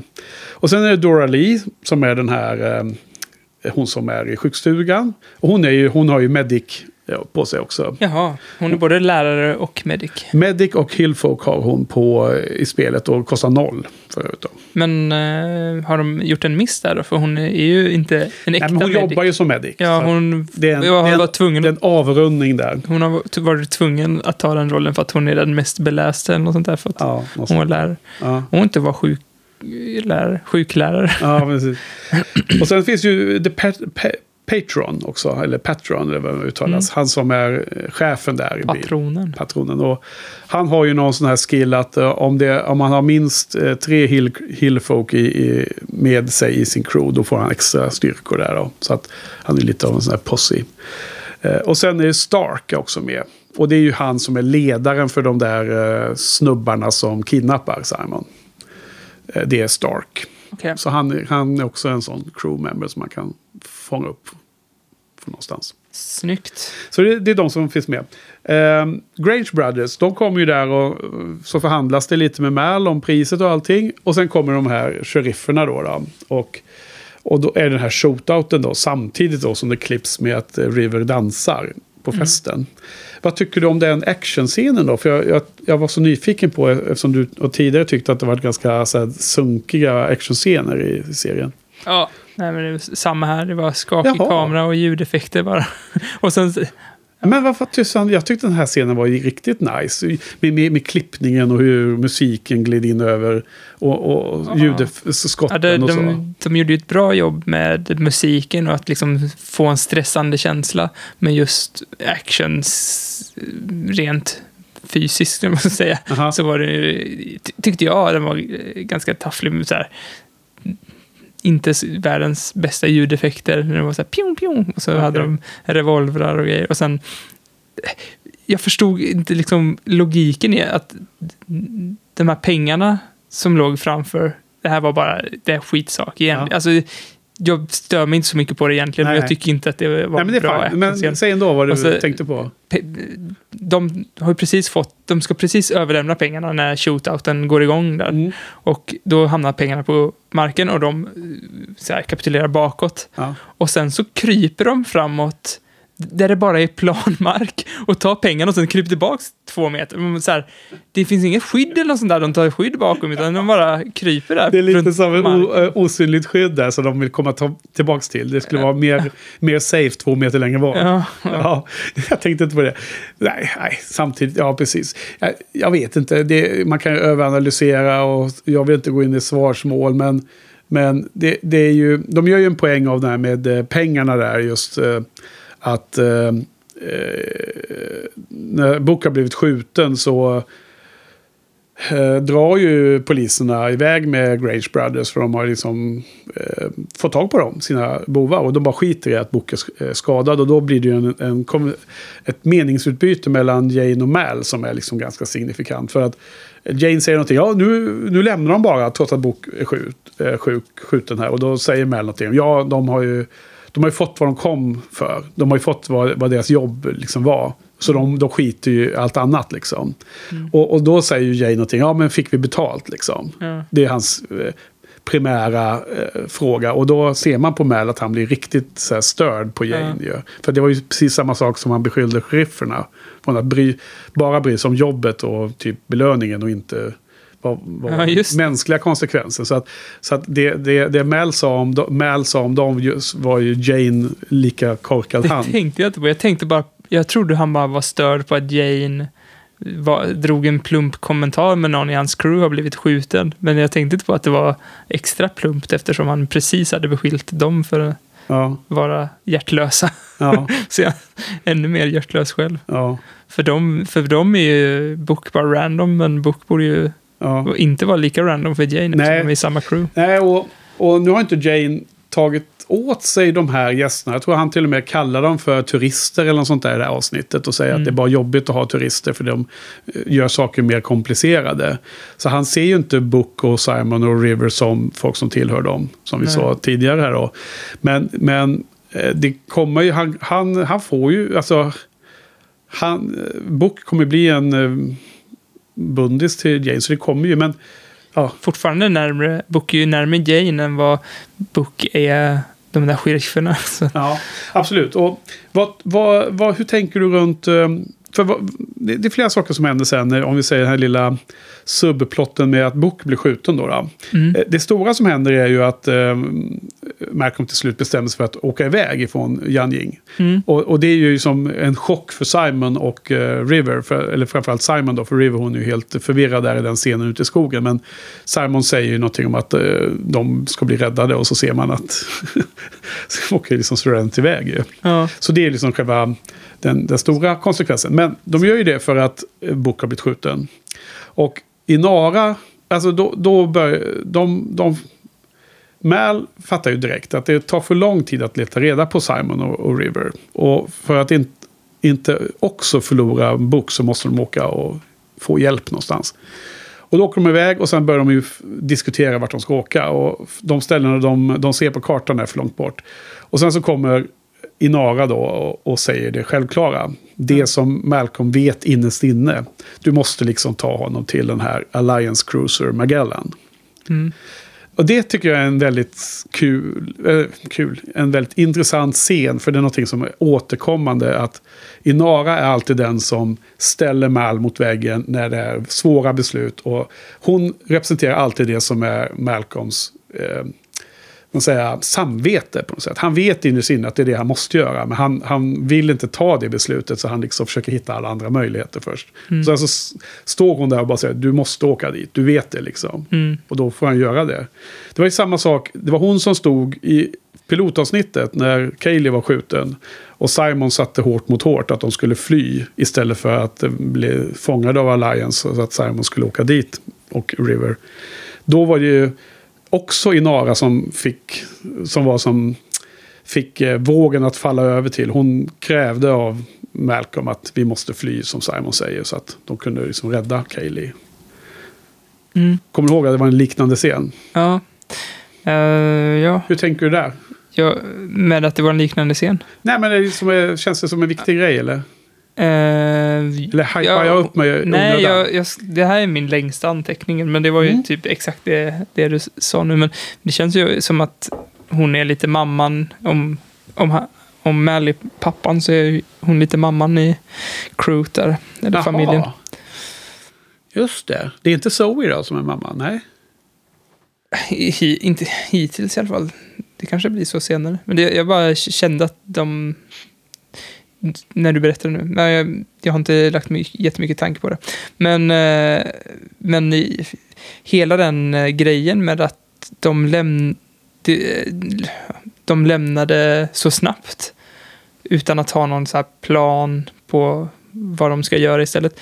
Första gången jag såg avsnittet så tyckte jag det var jättemärkligt att de bara lämnade Simon och, och River. Mm. Eller, ja men att Mal bara lämnade dem för att det bästa alternativet just då, utan att om man inte har något annat alternativ så är det bästa alternativet för att få Book frisk är att fortsätta leta efter Simon. Men eh, nu hade de ju inget, eller M- Mal hade ju ingen annan plan. Nej. Utan bara att sticka därifrån. Och då, tänkte, då tyckte jag att det var så här, varför lämnar de crewmedlemmar så lättvindigt? Ja. Och sen andra gången så tänkte jag, ja men det var ju ändå så jäkla stressig situation liksom. Så det man kan ju förstå att, att de bara, ja, vi måste dra, vi måste göra någonting. Nej, men tro, Och tror, du, tror du inte att Mal un, innerst inne fattade att det var till eh, Magellan de måste åka? Eh, så kan det ha varit. Alltså, ja, så kan det vara. Ja, men hur, hur var din tolkning då, andra gången du såg den? Fick du någon, hade du någon konklusion?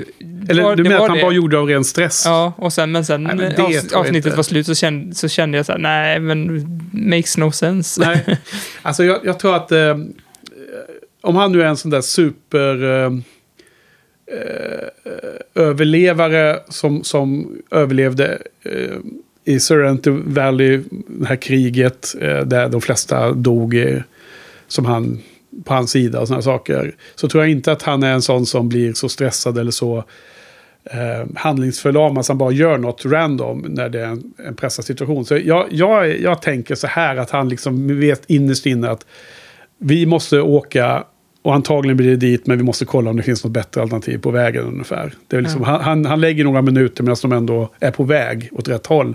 Att titta på kartan se om de kan hitta något alternativ. För han är så instinktivt motvillig att åka till eh, Magellan.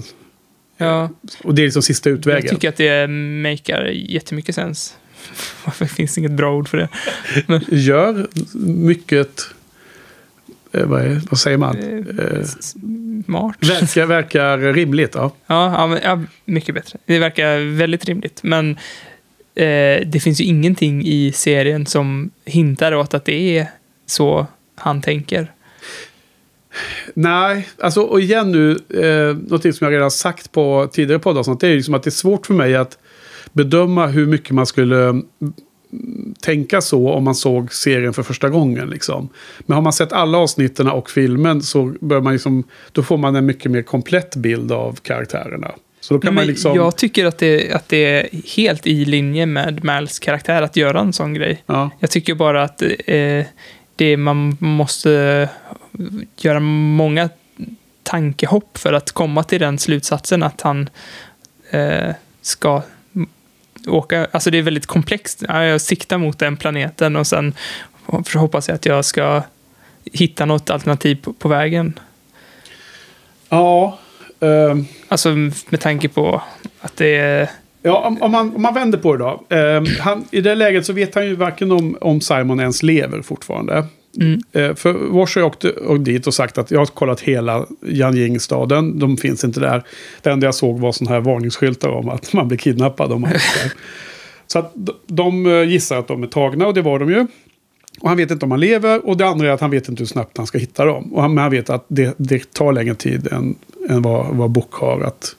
Ja, han kommer dö innan dess. Mm. Och sen så tror jag att han vet innerst inne, för, han, för det sägs ju, det är en sån här som, det liksom planteras ju tidigt i avsnittet att eh, Simon är orolig för eh, The Alliance när de ska landa där på planeten och han och River går iväg in till stan då.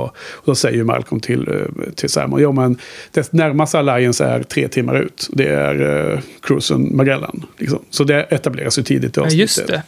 Just det. Eh, Och, och, och då, Så det är väl en liten hint då kanske? Ja, så han har ju järnkoll på vart de närmaste Alliance är, för det har han ju alltid. Det får man utgå från. Han, han eh, håller ju sig borta från dem. Det, det är som Ja. hans, hans poäng är bara att de ska flyga omkring och hålla sig borta från Alliance och samtidigt göra lite jobb så de, de har Ja. råd att fylla på mer man bensin. Att man ska hålla sig borta från Alliance och Ja, när man har Reavers. Fujis, som de säger här. Ja.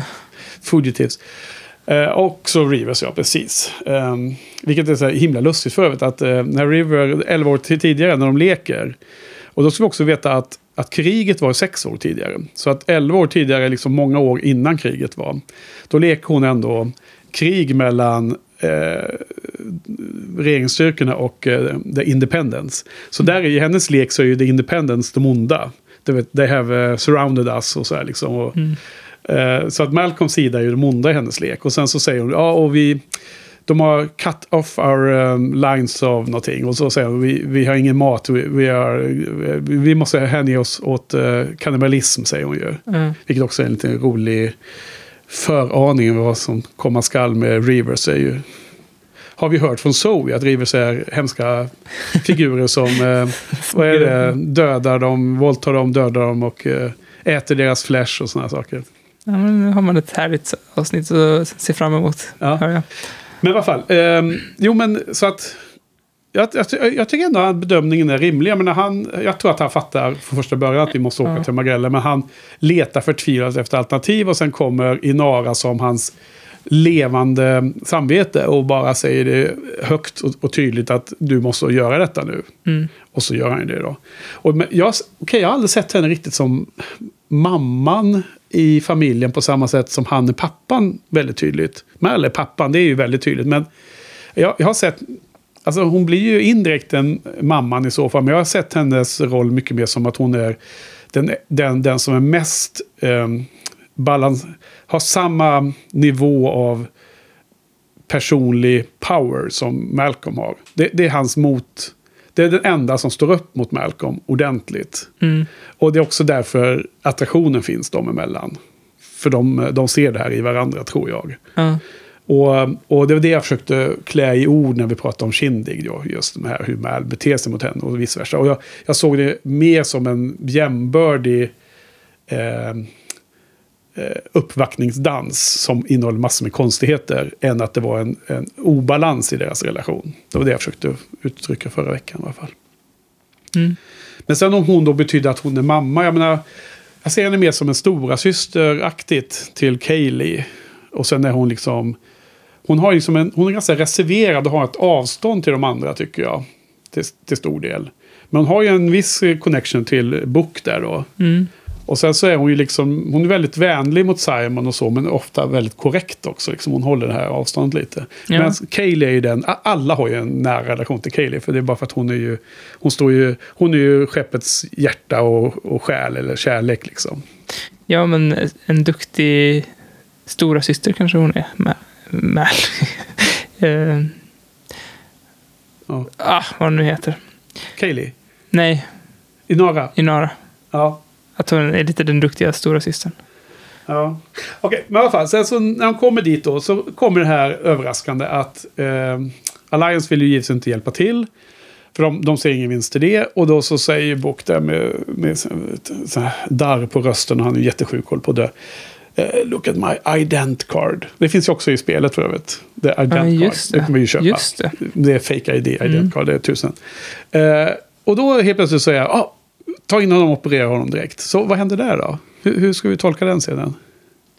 Ja, att det, det finns saker som man inte vet om honom. Ja. Det, ja, men de ger ju inte så mycket mer ledtrådar än så.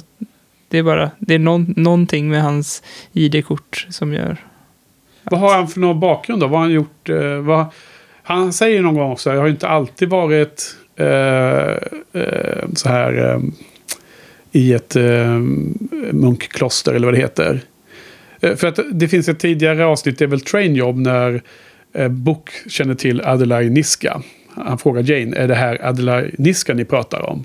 Mm. I så fall så tror jag, han är så farlig så då är det nog bättre att vi väntar på Mal och så säger han i någon scen där, i The Train Job. Mm. Och så säger Book, hur kan en liksom preacher från, vad nu heter, någonting Abbey, känna till en, en, en person som Adelaide Niska.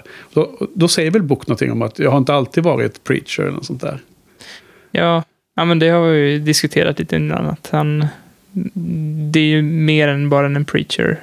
Det såg man ju när han eh, helt plötsligt kunde slåss och sådär. Ja, just det. Det var Så. lite badass. Och, och det, det är ju på grund av de här eh, små sakerna som, som kommer titt som tätt. Att det, det, är ju liksom, det finns ett mysterium runt bok. Och det är liksom som, som man som tittare kommer bli mer och mer nyfiken på. Man vill, mer och mer vill man liksom få veta vad är hans historik, vad är hans bakgrund, vad är det som gör allt det här. Och det är därför jag då tyckte att de allra första scenerna med Book, när han då blev lite förlägen av att Mel liksom skojade med honom i, och i Nara och sa att hon var ambassadör och sen visade sig att hon var companion. Så skulle han bli helt förlägen. Mm. Det passar liksom inte in i, en, i den här världen att han har varit något annat tidigare och eh, liksom kan slåss och så här. Och känner till Adelaide Niska och har ett ident card liksom som Alliance bara ställer sig upp i vakt när de ser. Mm. Ja, men precis. Men, Det var, eh, där- det var den, de kommentarerna kom på grund av det. Ja, ja men han, eh, han vill ju inte förklara sig. Jag, jag gillar att, han, att de att Mal försökte få en förklaring på det och han, nej men typ alla gillar ju A Man of God. Ja. Och uh, Mal svarar med, nej. Nej. Alla, med, alla gillar inte Man of God. Nej, de, de får oss bara att känna oss... eh, no they don't. Ja, precis. Det, vad han säger? Vi De får oss bara det. känna oss eh, skyldiga och Ja, guilty and bad. Ja, precis. Jag ska kli- klippa in det där. You're gonna be fine, Shepard. Lions patched you up. Alliance? Yeah, they let us come and they let us go. What kind of ident card gets a second reception and send off? I am a shepherd. Folks like a man of God. No, they don't. Men of God make everyone feel guilty and judged. That's not what I saw. You like to tell me what really happened? I surely would. Maybe someday I will. It's good to be home. Precis det här vanliga. Eh, Mal är inte så stor fan av religionen längre efter han förlorade hela sin gudstro i eh, förscenen till pilotavsnittet där. Ja, väldigt eh, liknande teman i säsong tre av Daredevil. Okej. Ja. Är, är väl bra fortfarande eller? Jag tycker det är ganska bra faktiskt. Ja. Eh, Men mm, när man ser Firefly parallellt så blir så himla tydligt att eh, så här, relationerna är ju ganska taffliga i Daredevil. Men jag tycker just de här diskussionerna om vad som är gott och ont och tappa sin tro och ja, allt det där. Ja. Himmel, helvete. Det tycker jag var rätt int- intressant. Eh, Ja. Även fast jag är långt ifrån troende liksom. Mm, Ja, men jag tyckte det... Nej, det man, man behöver ju inte vara troende för att tycka att frågeställningarna kan vara oerhört intressanta. Ju. ja, han har ju också ja, tappat livslusten lite grann. Det är väl ingen spoil. Sånt händer väl karaktärer att man liksom tappar Vilken livslusten. pratar du nu? Mal eller den i... I Daredevil. Daredevil, Ja. Matt Murdock eller vad han heter. ja. Så just, just när, man är, när man är så himla... Ja, men han är väl lite lik... eh, han- Jag kan tänka mig att eh, Mal också har varit i det, i det stadiet när han liksom tappat livsgnistan helt och sen typ rest Ja. sig upp och liksom lagt på den här eh, sarkastiska masken och Ja. liksom hankat sig fram med hjälp av den och sen... Ja, och, och det var det här som vi pratade om i tidigare avsnitt som vi hörde på kommentarspåret. Att, att idén som Joss hade var ju att eh, Malcolm Reynolds skulle vara helt nedbruten, helt svart Ja. i början. Alltså var mycket mer otrevlig än vad han fick bli. Ja, För att, för att sen det skulle byggas upp under flera säsonger. helvete vad det hade varit nice. Ja. Ja. Joss hade varit med och gjort eh, Daredevil. Jaha, okej. för, för, för, det, för det är ju en mörk version av Mal verkligen. Att han Mm. bara tappat all liksom, livslust. Men jag tycker att hans eh, Matt Murdocks, Murdocks crew är de beter sig inte som medmänniskor liksom. Nej. Jag stör mig hela tiden på det. Och Hur, många, hur, många, eh, hur, hur många handlar det om liksom? framförallt är det väl två stycken eh, som är i hans kompisar. Ja. Som var väldigt, inte så bra, precis som i Joss-serier så var de inte jättebra skådisar tycker jag. Mm. Men de var väldigt charmiga och passade väldigt bra för sina roller och efter ett tag mjukades man upp inför dem. Och Mm. I början var det, tyckte jag var ganska bra karaktärer, men sen så började jag störa mig mer och mer på att de inte kan bete sig som människor och bara Mm. är dåliga karaktärer. Mm. Och eh, där hade Joss varit så här, briljerat. Så det är väldigt synd för ja, men, actionet i Daredevil är klockrent och The Big Bad är svinbra och eh, eh de här eh, filosofiska diskussionerna som han har då med en, den här nunnan som han har ju växt upp på ett barnhem. Eh, han är ju, han växte upp på ett barnhem och då är det en nunna som har tagit hand om honom och nu är han tillbaks till den där nunnan och har så här filosofiska diskussioner med henne. Mm. De tycker jag är rätt fina, Ja. de diskussionerna, men relationerna är förfärliga. Mm. det är jäkligt synd. Det, det hade man velat ha Joss Ja, ja. Nej, jag har ju... styra upp lite. Det är ytterligare en sån här serie som jag borde se känns det som. Daredevil faktiskt. Mm. Ja, det är nog min favorit bland Marvel-serierna Mm. som går på Netflix. Då. Ja, ja. Ja, Jag har ju i alla fall sett klart Ozark säsong 1 nu då till slut. Och den var ju så jävla seg tyckte andra halvan. Så jag är inte sugen alls på att se vidare säsong 2. Jag gör inte det. Nej, nej, nej, jag ska inte göra det. Jag ska inte göra det. Men däremot vill jag se första säsongen för att jag tycker ändå om man har sett sex eller sju avsnitt av tio så är det värt att se, se, se mål. Eh, men nu tänker jag faktiskt se Doctor Who här nu i vinter. Faktiskt. Mm. Komma vidare med den för jag måste komma ikapp någon gång. Få, skiten sedd. Nej, nej. Alltså jag, jag har gillat varje säsong. Eh, men det, det är liksom att jag vill, jag vill liksom se det när jag har tid och är sugen och så. Men det är ju bara att inse att jag, det är bara att ta tag i det. Så man blir ju jätteindragen när man väl kommer igång. Men Mm. det är lätt att man bara skjuter fram sig om man ska gå och vänta på ett perfekt tillfälle. För liksom, det händer ju aldrig Johan att det finns ett perfekt tillfälle för, en, eh, för att se liksom typ eh, sex eller sju säsonger tv-serier liksom, för att komma ikapp. Nej men alltså jag, jag, jag vill verkligen eh, se Doctor Who och ha, ha sett den och se alla de referenserna och se alla de bra avsnitt som jag vet kommer allt eftersom. Ja. Jag tror att den serien blir bättre och bättre också genom åren. Ja. Eller det, det finns många, många godbitar kvar.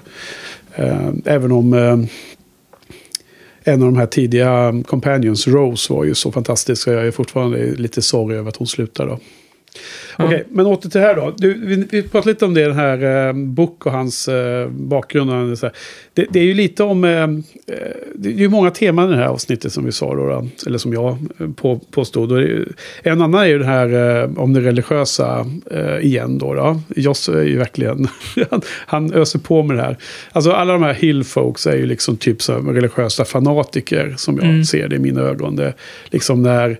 Det- Dels att de bara tycker att det är helt okej att man kidnappar folk och tar de eh, folk som man tycker behövs. Liksom, som, det, är ju, det är ju liksom eh, badness i sig. Men sen hela det här runt att eh, de säger att River är en häxa och det blir ju verkligen en sån där religiös fan, fanatism som, som på väldigt snabbt sätt etableras att hela det här samhället genomsyras av. Ja. Och sen om man då har man det mot den här du vet, spirituella visheten som Book har. Och, liksom, han är, han är liksom som en buddhist ungefär. Liksom, och vilken otrolig skillnad det är mellan de två. Även hur Joss genom serien visar vad han tycker om de här två olika sidorna av, av liksom det här med eh, filosofi och eh, gudomlighet och sånt som tänker på den här typen av frågor. Ty- tyckte jag var också ytterligare ett litet skärva av, av liksom int, intressant ämne här i detta avsnitt. Ja, men det var ju också, jag vet inte, men så lite mobb, mobb mentality, säger man så? Ja, ja Eh, mentalitet. Ja, att de här eh, hillfolksen kommer och ska eh, eh, bränna upp den här häxan. Och att den här den ledaren är så himla, eh, jag vet inte. Falsk. Ja, men att han... Ja, att, att han utnyttjar folk. För han Ja. verkar ju Jag vet inte, han verkar helt sjuk i huvudet. Och så, och, och, så märk, jag vet inte vad han har för hållhake på de här personerna. Jag vet inte, kan det vara religion, alltså att han skrämmer upp dem med religiösa grejer för att han, för han är ju otroligt genomskinlig. Mm. Alltså vem som helst hade ju, alltså det är nästan så att det är parodiskt när, när hon eh, när han bara, I'm sure she's not a witch. Och så, och så, Visst är du ingen häxa? Så, Nej, så, vet du vem jag är? Ja, du är den här patron, vet du vad en patron är? Jo, men patronen är en sån som leder. Eh, Ja. Du har ju, Du är chef här. och du har ju eh, tagit över eftersom den andra har blivit eh, sjuk. Men han var ju på, på väg att bli bra och du var i samma rum och så bara skrek han “You're a witch!” Ja. Det var så jäkla genomskinlig. Ja. Hon kan läsa tankar och, och, och, Och sprider lögner. ja, sprida lögn. Och, och det är ju så här... Ja. Han, men det, det, det är kanske det som är svaret på din fråga. Att han, han kanske inte har en hållhake på dem mer än att han använder sig av att han kan definiera vad det religiösa budskapet ska vara. Liksom. Så, här, så här ska man tycka och så kan han bara Mm. styra massan av det. Men det, är väl som, eh, styr- det är väl som eh, religion har styrt folk i alla, alla tider. Liksom. Ja. Men någon, eh, någon eh, företrädesvis eh, äldre gubbe säger att eh, jag är utsänd från Gud och jag, det jag säger är det som gäller. Ja. Ja, och så tror alla på det för alla är Det, går inte, korkade. det går inte att bevisa motsatsen. Nej, exakt. Ja, men det är en massa och då får ni tro på vad jag säger.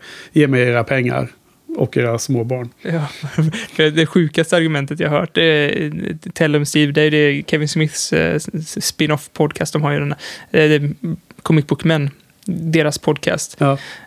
Då säger han eh, som är, vad fan heter, jag kommer inte ens ihåg vad han heter, men han som är butiksägaren i Jane Silent Bobs Secret Stash. När de frågar, för han är religiös på Ja. något slag. Och så frågar de honom så här, vad, men hur- kan, du, liksom, hur kan du förklara det? Alltså, det går inte att bevisa. Bara, men, och då var hans motargument, hur kan du, hur kan du, hur kan du förklara att blommor är så vackra? Okej. "Men, det har du rätt i. Relevans. Ja, ja, men då finns nog Gud. Ja. Jag kan inte förklara varför en blomma är vacker. Nej, precis. Det är uppenbart att människan som släkte har ett behov att kunna förklara saker som är svårförklarliga. Och om man inte har en enkel eh, beskrivning så blir det oroligt.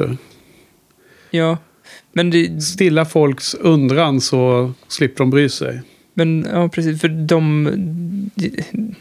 Det måste ju ha något släktskap med den här mobbmentaliteten, med att religion, att, liksom, att man har någonting som man inte kan förklara, som man liksom, liksom suger åt sig vilken förklaring man än kan få. Och eh, den här mobben som han leder, att, han, att det är så himla uppenbart att det han gör är fel, men de, det är ju någonting som de får ut av att eh, följa den här ledaren. Det liksom blir ju en extremt djup diskussion. Men jag, jag, tror att, jag tror att på något sätt är det att, att eh, människor har nog genom all, alla tider, så fort människan blev självmedveten och medveten om sin omgivning och kunde börja fundera över saker som, som är mer än eh, instinkter och mer än att eh, få mat för stunden och sova och skaffa avkommor.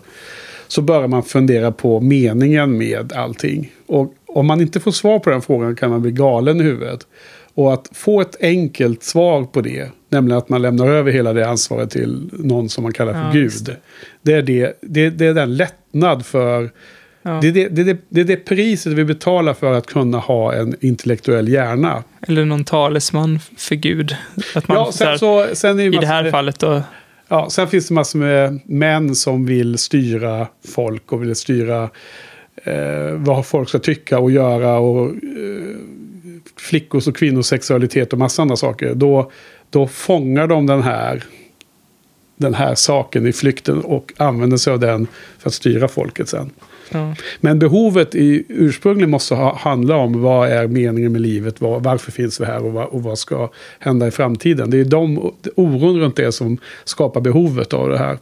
Den här, den här förklaringsmodellen som Och då lägger man liksom sin egna moral åt sidan för att man låter den här Ja, det- mobbledaren eh, ta de moraliska besluten åt en. Då Ja, precis. Man Ställ- motivera att bränna folk. Och det, det är nästan det mest absurda man ser sådana här debatter om religion på, på YouTube och så här. Liksom där religiösa personer säger till ateister att hur kan du ha moral eftersom du inte är religiös?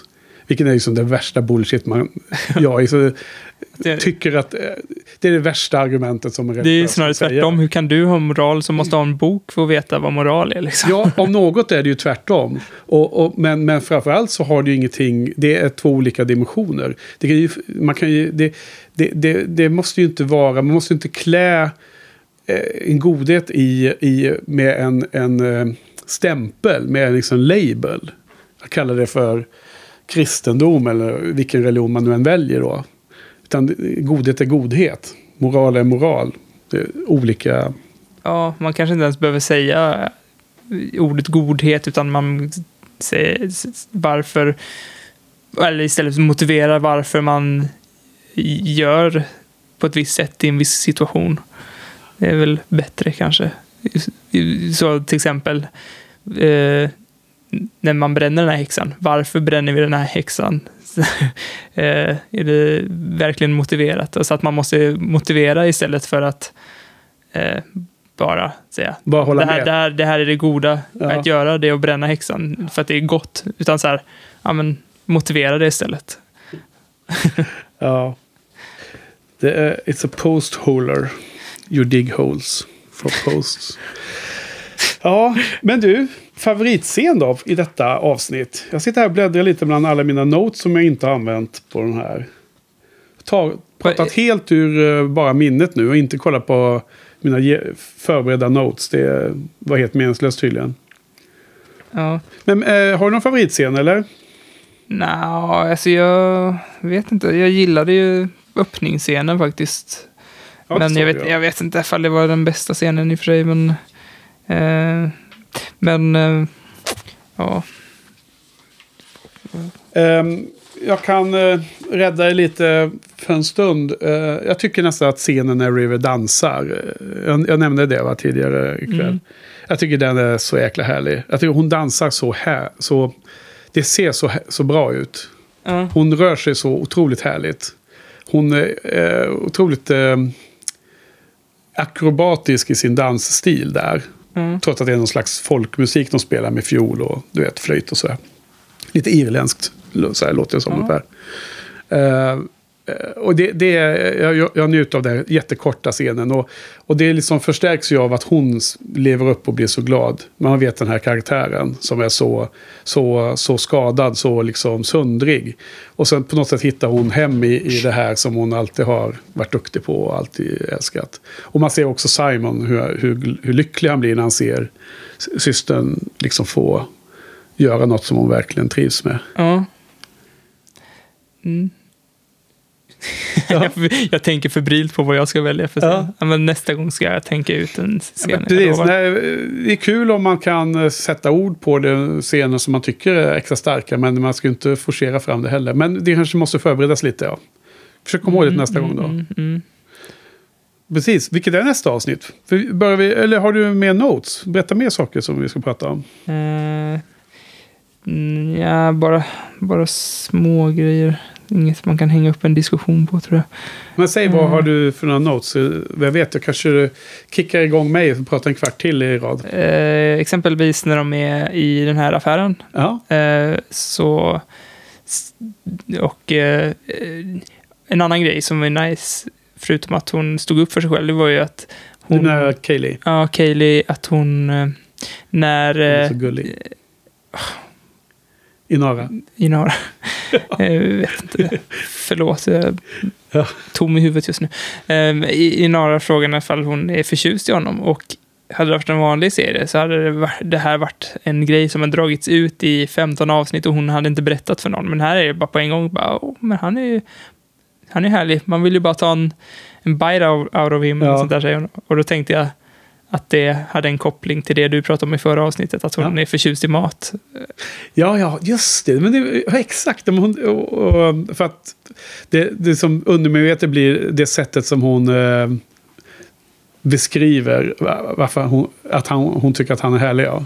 Ja. Ja, och, men den, den scenen är ju lite, den, den, är ju, den är ganska bra där och det är ju lite, lite, lite knagg på det där också. Eh, För du sa inte exakt det, att Inara frågar ju henne, eller rätt sagt, jag tror det är Kaylee som inleder genom att fråga Inara om hon tycker att den här eh, tallriken är eh, en bra present att ge till någon. Ja. Och då undrar Inara, vem, vem ska du ge den till? Och sen så fattar ju Inara, hon har ju redan fattat det givetvis. Hon, Mm. För hon är, har ju det, hon är ju companion, hon ser ju de här, hon ser ju vem som är intresserad av vem. Förutom att hon, inte, hon vägrar ju se, se sig själv och Mal uppenbarligen. Eller hon, hon kanske vet det men hon vågar inte ta steget i alla fall.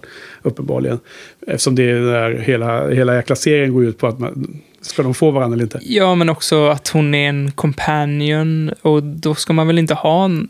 Alltså, det är väl en så här Ja, det, del av det finns en tröskel där ja. Ja, men som jag fatt... ja, Som jag fattat det är väl typ som en slags motsats eller motsvarighet till en nun- nunna. Mm. Att man liksom, nu har jag avsagt mig det här livet Jo. och lever som companion istället.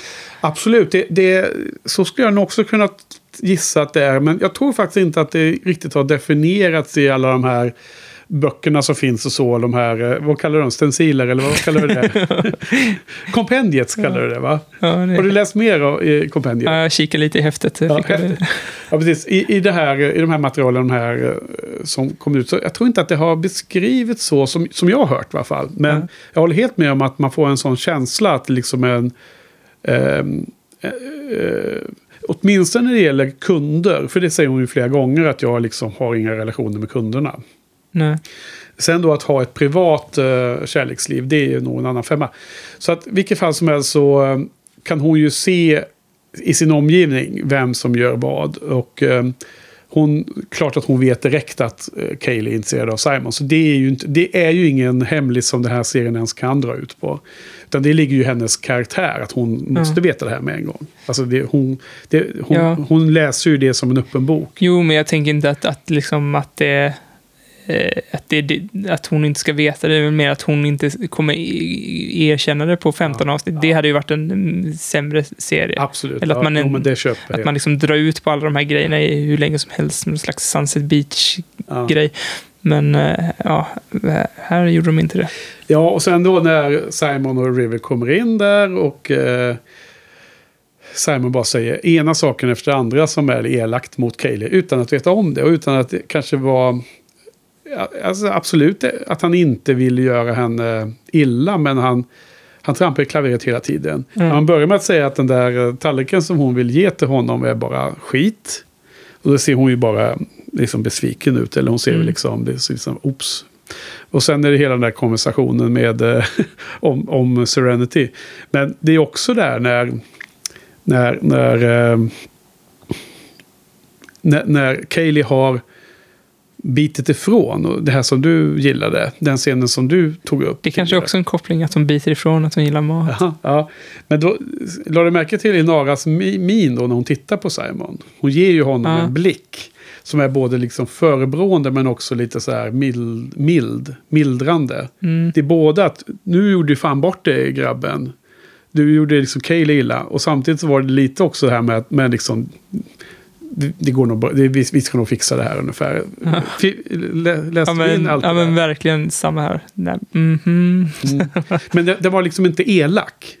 Det var, det var som att du gjorde bort det, men det var inte elakt. Utan det var liksom, hon, hon var ändå liksom lite så stödjande också i det Ja. hela kändes det som.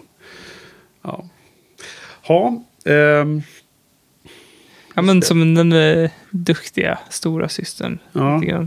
kanske. Jo. Okej, nej men eh, härligt avsnitt. Vad hade du någon mer kommentar? Mm, ska se.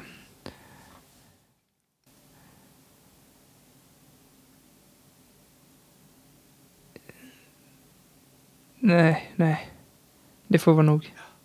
Ja. Eh, betyg då? Ja, eh, om man bara har en femgradig skala att jobba med så...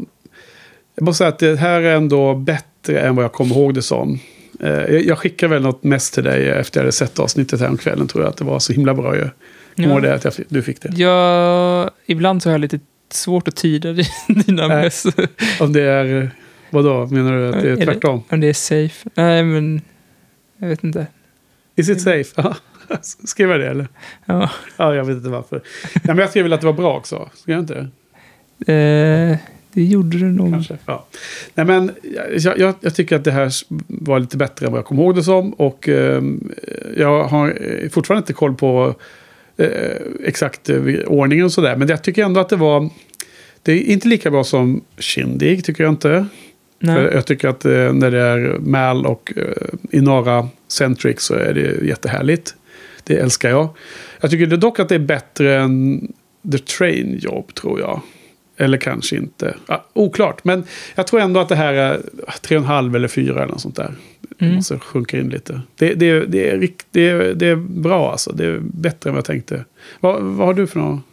En, eh, jag, eh, jag tycker det är en riktigt stark tre. Och för mig är det det bästa avsnittet hittills. Jag tycker att Ja, nu, nu sitter ju liksom karaktärerna Ja. och dialogen känns mer, eh, som sagt, naturlig känns fel. Men den, jo, men den passar bättre. Mm, Eh, mm. Den är ju inte naturlig i det sättet att det är så man pratar i verkligheten, utan den känns naturlig för karaktärerna och i serien. Och den känns rapp och tajt och ja, I, allt, I det här universat liksom. ja, så allting liksom funkade bra. Det Fast var så nice. ingenting som skavde riktigt. Det var väl typ utbrottet, det första utbrottet från henne. Men förhoppningsvis började hennes de här vakna upp och utbrott eh, liksom mattas av lite. Ja, det, var- det, var, det var um, så härligt att det var ett nytt typ av utbrott. Ett utbrott som, som byggde på att hon var, fattade att hon själv var illa ute. Medan de tidigare utbrotten bara verkar ha varit liksom eh, när hon varit lite delirious i huvudet. Mm. Och det, det, det tycker jag gör att det blir mycket mer känslosamt. För då är det liksom mycket mer på allvar. En, en, en patient som vet om att, att, att en, en, en, person som är superbright och sen har fått liksom en total breakdown i hjärnan. Eh, och bara är som ett barn. Det är väl liksom hemskt. Men om inte pers- personen förstår själv att den är sjuk, då, då lider den inte lika mycket. Men om den helt plötsligt får en klarhet och förstår att vänta nu, jag var ju, jag var ju så här bra och nu är jag så här skadad. Men kan se det själv och förstå det själv. Det är mycket, mycket hemskare situation för den personen. Ja, ja, men det är så, så... Det tänkte inte jag på när jag såg det utbrottet. Så det är... Ja, men det höjer ju det hela. Det, det gör att det, man, man får mer eh, empatiska känslor för henne. Mer än att hon bara är quirky. Jag var nog bara trött på henne och när hon fick det där utbrottet så var det bara... ah. Jag tänkte nog mer som Mal och hade inte Mm. min analytiska hjärna på just för henne. För att jag hade i, kanske Ja, men- gett upp lite. I- och med att hon inte bara skriker om att Åh, de sticker knivar i mig som är liksom en slags eh, eh, utbrott av trauma från vad som har hänt på akademin. Utan nu har hon ett utbrott över att Simon klär upp henne som en docka och hon är ju liksom smartare än Simon. Hon ska inte bli utklädd till en docka. Om hon hade varit sitt normala jag, då hade hon ju aldrig accepterat att behandla, bli behandlad som en, som en bebis av Simon hela tiden. För han är ju så orolig för henne, han vill ju hjälpa henne. Nej. Och det är, den, det är hennes riktiga jag som vill vakna till liv lite där. Det är det jag känner. Så. Ja, jag förstår verkligen. Jag förstår absolut. Jag såg inte det när jag såg det. Och eh, det, det lyfte scenen när, att höra dig berätta om det. För, Nej, men det, delvis att ge dem att prata om det är, är ju också ett sätt att så här, så här, se det tydligt själv. För liksom Ja. det, det, allt det här växer fram under samtal nästan. ja, ja, Det är svårt att se det, som du säger, man måste ha någon slags eh, analytisk... Ja, för om man är bara är trött på karaktären då, då tänker man så bara, kan det här scenen vara slut? Så kan vi gå till den riktiga historien istället. Ja, Och, eh, men att höra dig berätta om eh, hur du tolkar scenen är ju, gör ju hela scenen mycket bättre. Nej, men jag tror att det som hjälper en att, att inse det är egentligen den scenen i slutet när hon säger, när hon pratar helt normalt, helt som klar i huvudet och säger att I'm broken, men jag, jag ska bli bättre. Liksom. Ja, för den tyckte jag var jätte, jättebra. Mm. Att man fick lite nyans på den karaktären där. Mm. Men då fick man ju det redan innan. Utan att Ja, jag precis. tänkte på det. Men, ja, man, man fattar inte det först, men så tänker man tillbaka när man ser det och förstår man. Ja, vänta nu, vad sa hon där egentligen? Ja. Nej, men det är det, det, det som är värdet med att liksom bryt, si- sitta och prata så här länge om ett enda eh, tv-serieavsnitt så kommer man in under huden på det också. Ja, Men du, nästa vecka då så kommer vi till det sjätte avsnittet. Och eh, vi går givetvis efter den rätta ordningen som är på DVD-boxen och Blu-ray-boxen och allting. Inte den på tvserier.nu. Eh, Ja, just det. det måste vi... Men ehm, ja, du, du känner ju han som har den sidan. va? Ja, Dejan ska få en uppläxning. Han ska ju kanske hjälpa, fota oss inför... Ja, det ser vi fram emot. Ja. Det hoppas vi på att det blir av. Men så att han har kört den ordningen som eh, Fox visade avsnitten. Och det är ju liksom en eh, random ordning som inte är den tänkta ordningen. Eh, Men vi ska ha sjätte avsnitt nästa vecka och det heter ju Our Mrs Reynolds. Och från och med nu så hoppas jag och tror att, att liksom själva relationerna och även hur snacket går så här är liksom mer etablerat. Så vi ska liksom vara inne i den världen. Hoppas att, vi, att du också så att säga, köper det på samma sätt som du sa att här i Safe funkar det bättre. Ja. Ehm, och det är absolut att vi har kommit in, liksom, nu har vi kommit förbi den här etableringsfasen. Så nu, nu är det inte så mycket att eh, för, förklara och ytterligare en gång att Simon lämnade allt han hade för att eh, rädda sin syster. Och Nej, nu, nu känns det som att de är också lite välkomnade in i familjen. Ja. Så att man, nu, nu, nu har vi gjort allt karaktärsarbete, nu kan vi börja göra... Ja, nu, nu ska det utvecklas olika. En annan sak jag glömde säga förut. Du sa att du hoppades att det skulle finnas något så här Seppo-avsnitt för, för Ja- Jane, karaktären Jane. Och ehm, eh, jag ska inte avslöja någonting nu, men jag tycker att det är ganska kul att ändå försöka observera vilket, vilken fokus de olika avsnitten har. Vilka Ja. karaktärer som är i fokus. det, fin, det finns ju ett avsnitt som skvallrar om att det kanske, på avsnittsnamnet, att det kanske är Jane-centrerat. Ja, det finns det. Som heter Janestown. Janestown som kommer om två veckor. Det är ju lite Jane-centrerat. Och så finns det ett till. Så vitt jag kommer ihåg nu i kartoteket, lite snabbt i alla fall, så finns det Janestown och ett till som är liksom mer med Jane. Och, så det ska bli jättespännande att se vad du tycker om de avsnitten sen. Ja, detsamma du. Detsamma. Absolut. Ja, så nästa vecka är det med Our Mrs Reynolds. Och vi får ju verkligen hoppas att lyssnarna tar chansen och ser serien nu medan de lyssnar på podden. Därför att vi pratar ju ingenting om handling och sådär. Nu får ju folk verkligen bara hänga med. Hoppa in i olika scener helt random. Men det, så ska det tydligen vara. Ja. Kom, för idag har vi pratat om avsnittet helt i konstig ordning. Alltså. Ja. Verkligen hoppat fram och tillbaka. Men det blir ju lätt så för att eh, just för till exempel det här med att hon får ett utbrott hör, hör ju ganska starkt ihop ja, uppenbarligen med att hon får den här blixt av klarhet när hon Mm. är i bland hillfolksen där. Så att eh, man, de här parallellerna finns ju genom hela alla Mm. avsnitt egentligen. Ja, och vi hade ju... Man, man funderar på om man skulle gå scen för scen. Och det finns ju många tv-seriepoddar som gör så. Men ah, jag tror inte att det är våran grej. Va? Vi, vi, vi, vi får köra på det här sättet.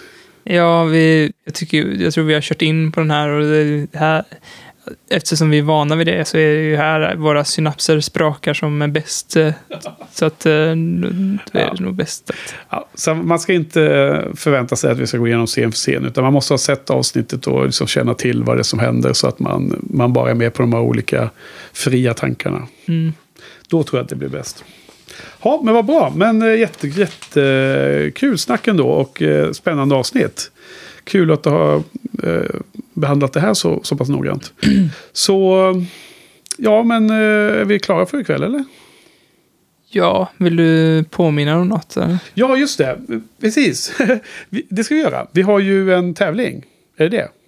Ja, Ja, det kanske. kan man påminna om. Vi, ska ju, eh, vi har ju jättefina priser. Eh, så att ni, om ni vill vara med och vinna Blu-ray eh, tv-seriebox och eh, loggfilmen så ska ni bara mejla in till shinypodden at eh, gmail.com. Och eh, så är ni med på utlottning av eh, Firefly och Serenity. Och eh, sen då önskar vi ju, det vore jättetrevligt om eh, ni går in och, och ehm, eh, vad heter, ge oss eh, högt betyg på iTunes. Och allra helst skriver en eh, eh, eh, recension på podden, på Shiny-podden på iTunes. Och då kommer vi, eh, i, när vi, när vi återkopplar med lyssnarbrev och sånt där så kommer vi eh, kommentera eller läsa upp alla dem. Har vi sagt. Precis. Så eh, vi kommer kasta ut lite extra avsnitt här på feeden med, eh, med kommentarer om eh, eh, detta. Men även om ni har varit inne och skrivit eh, på hemsidan. Så man kan kommentera. På shinypodden.se och så går ni in på Firefly, Firefly-säsongen. Ja. Firefly-podden, säsong 5. Ja, men det är supernice. Ja. Det är bra. Okej då, men då säger vi så. Så tack Johan.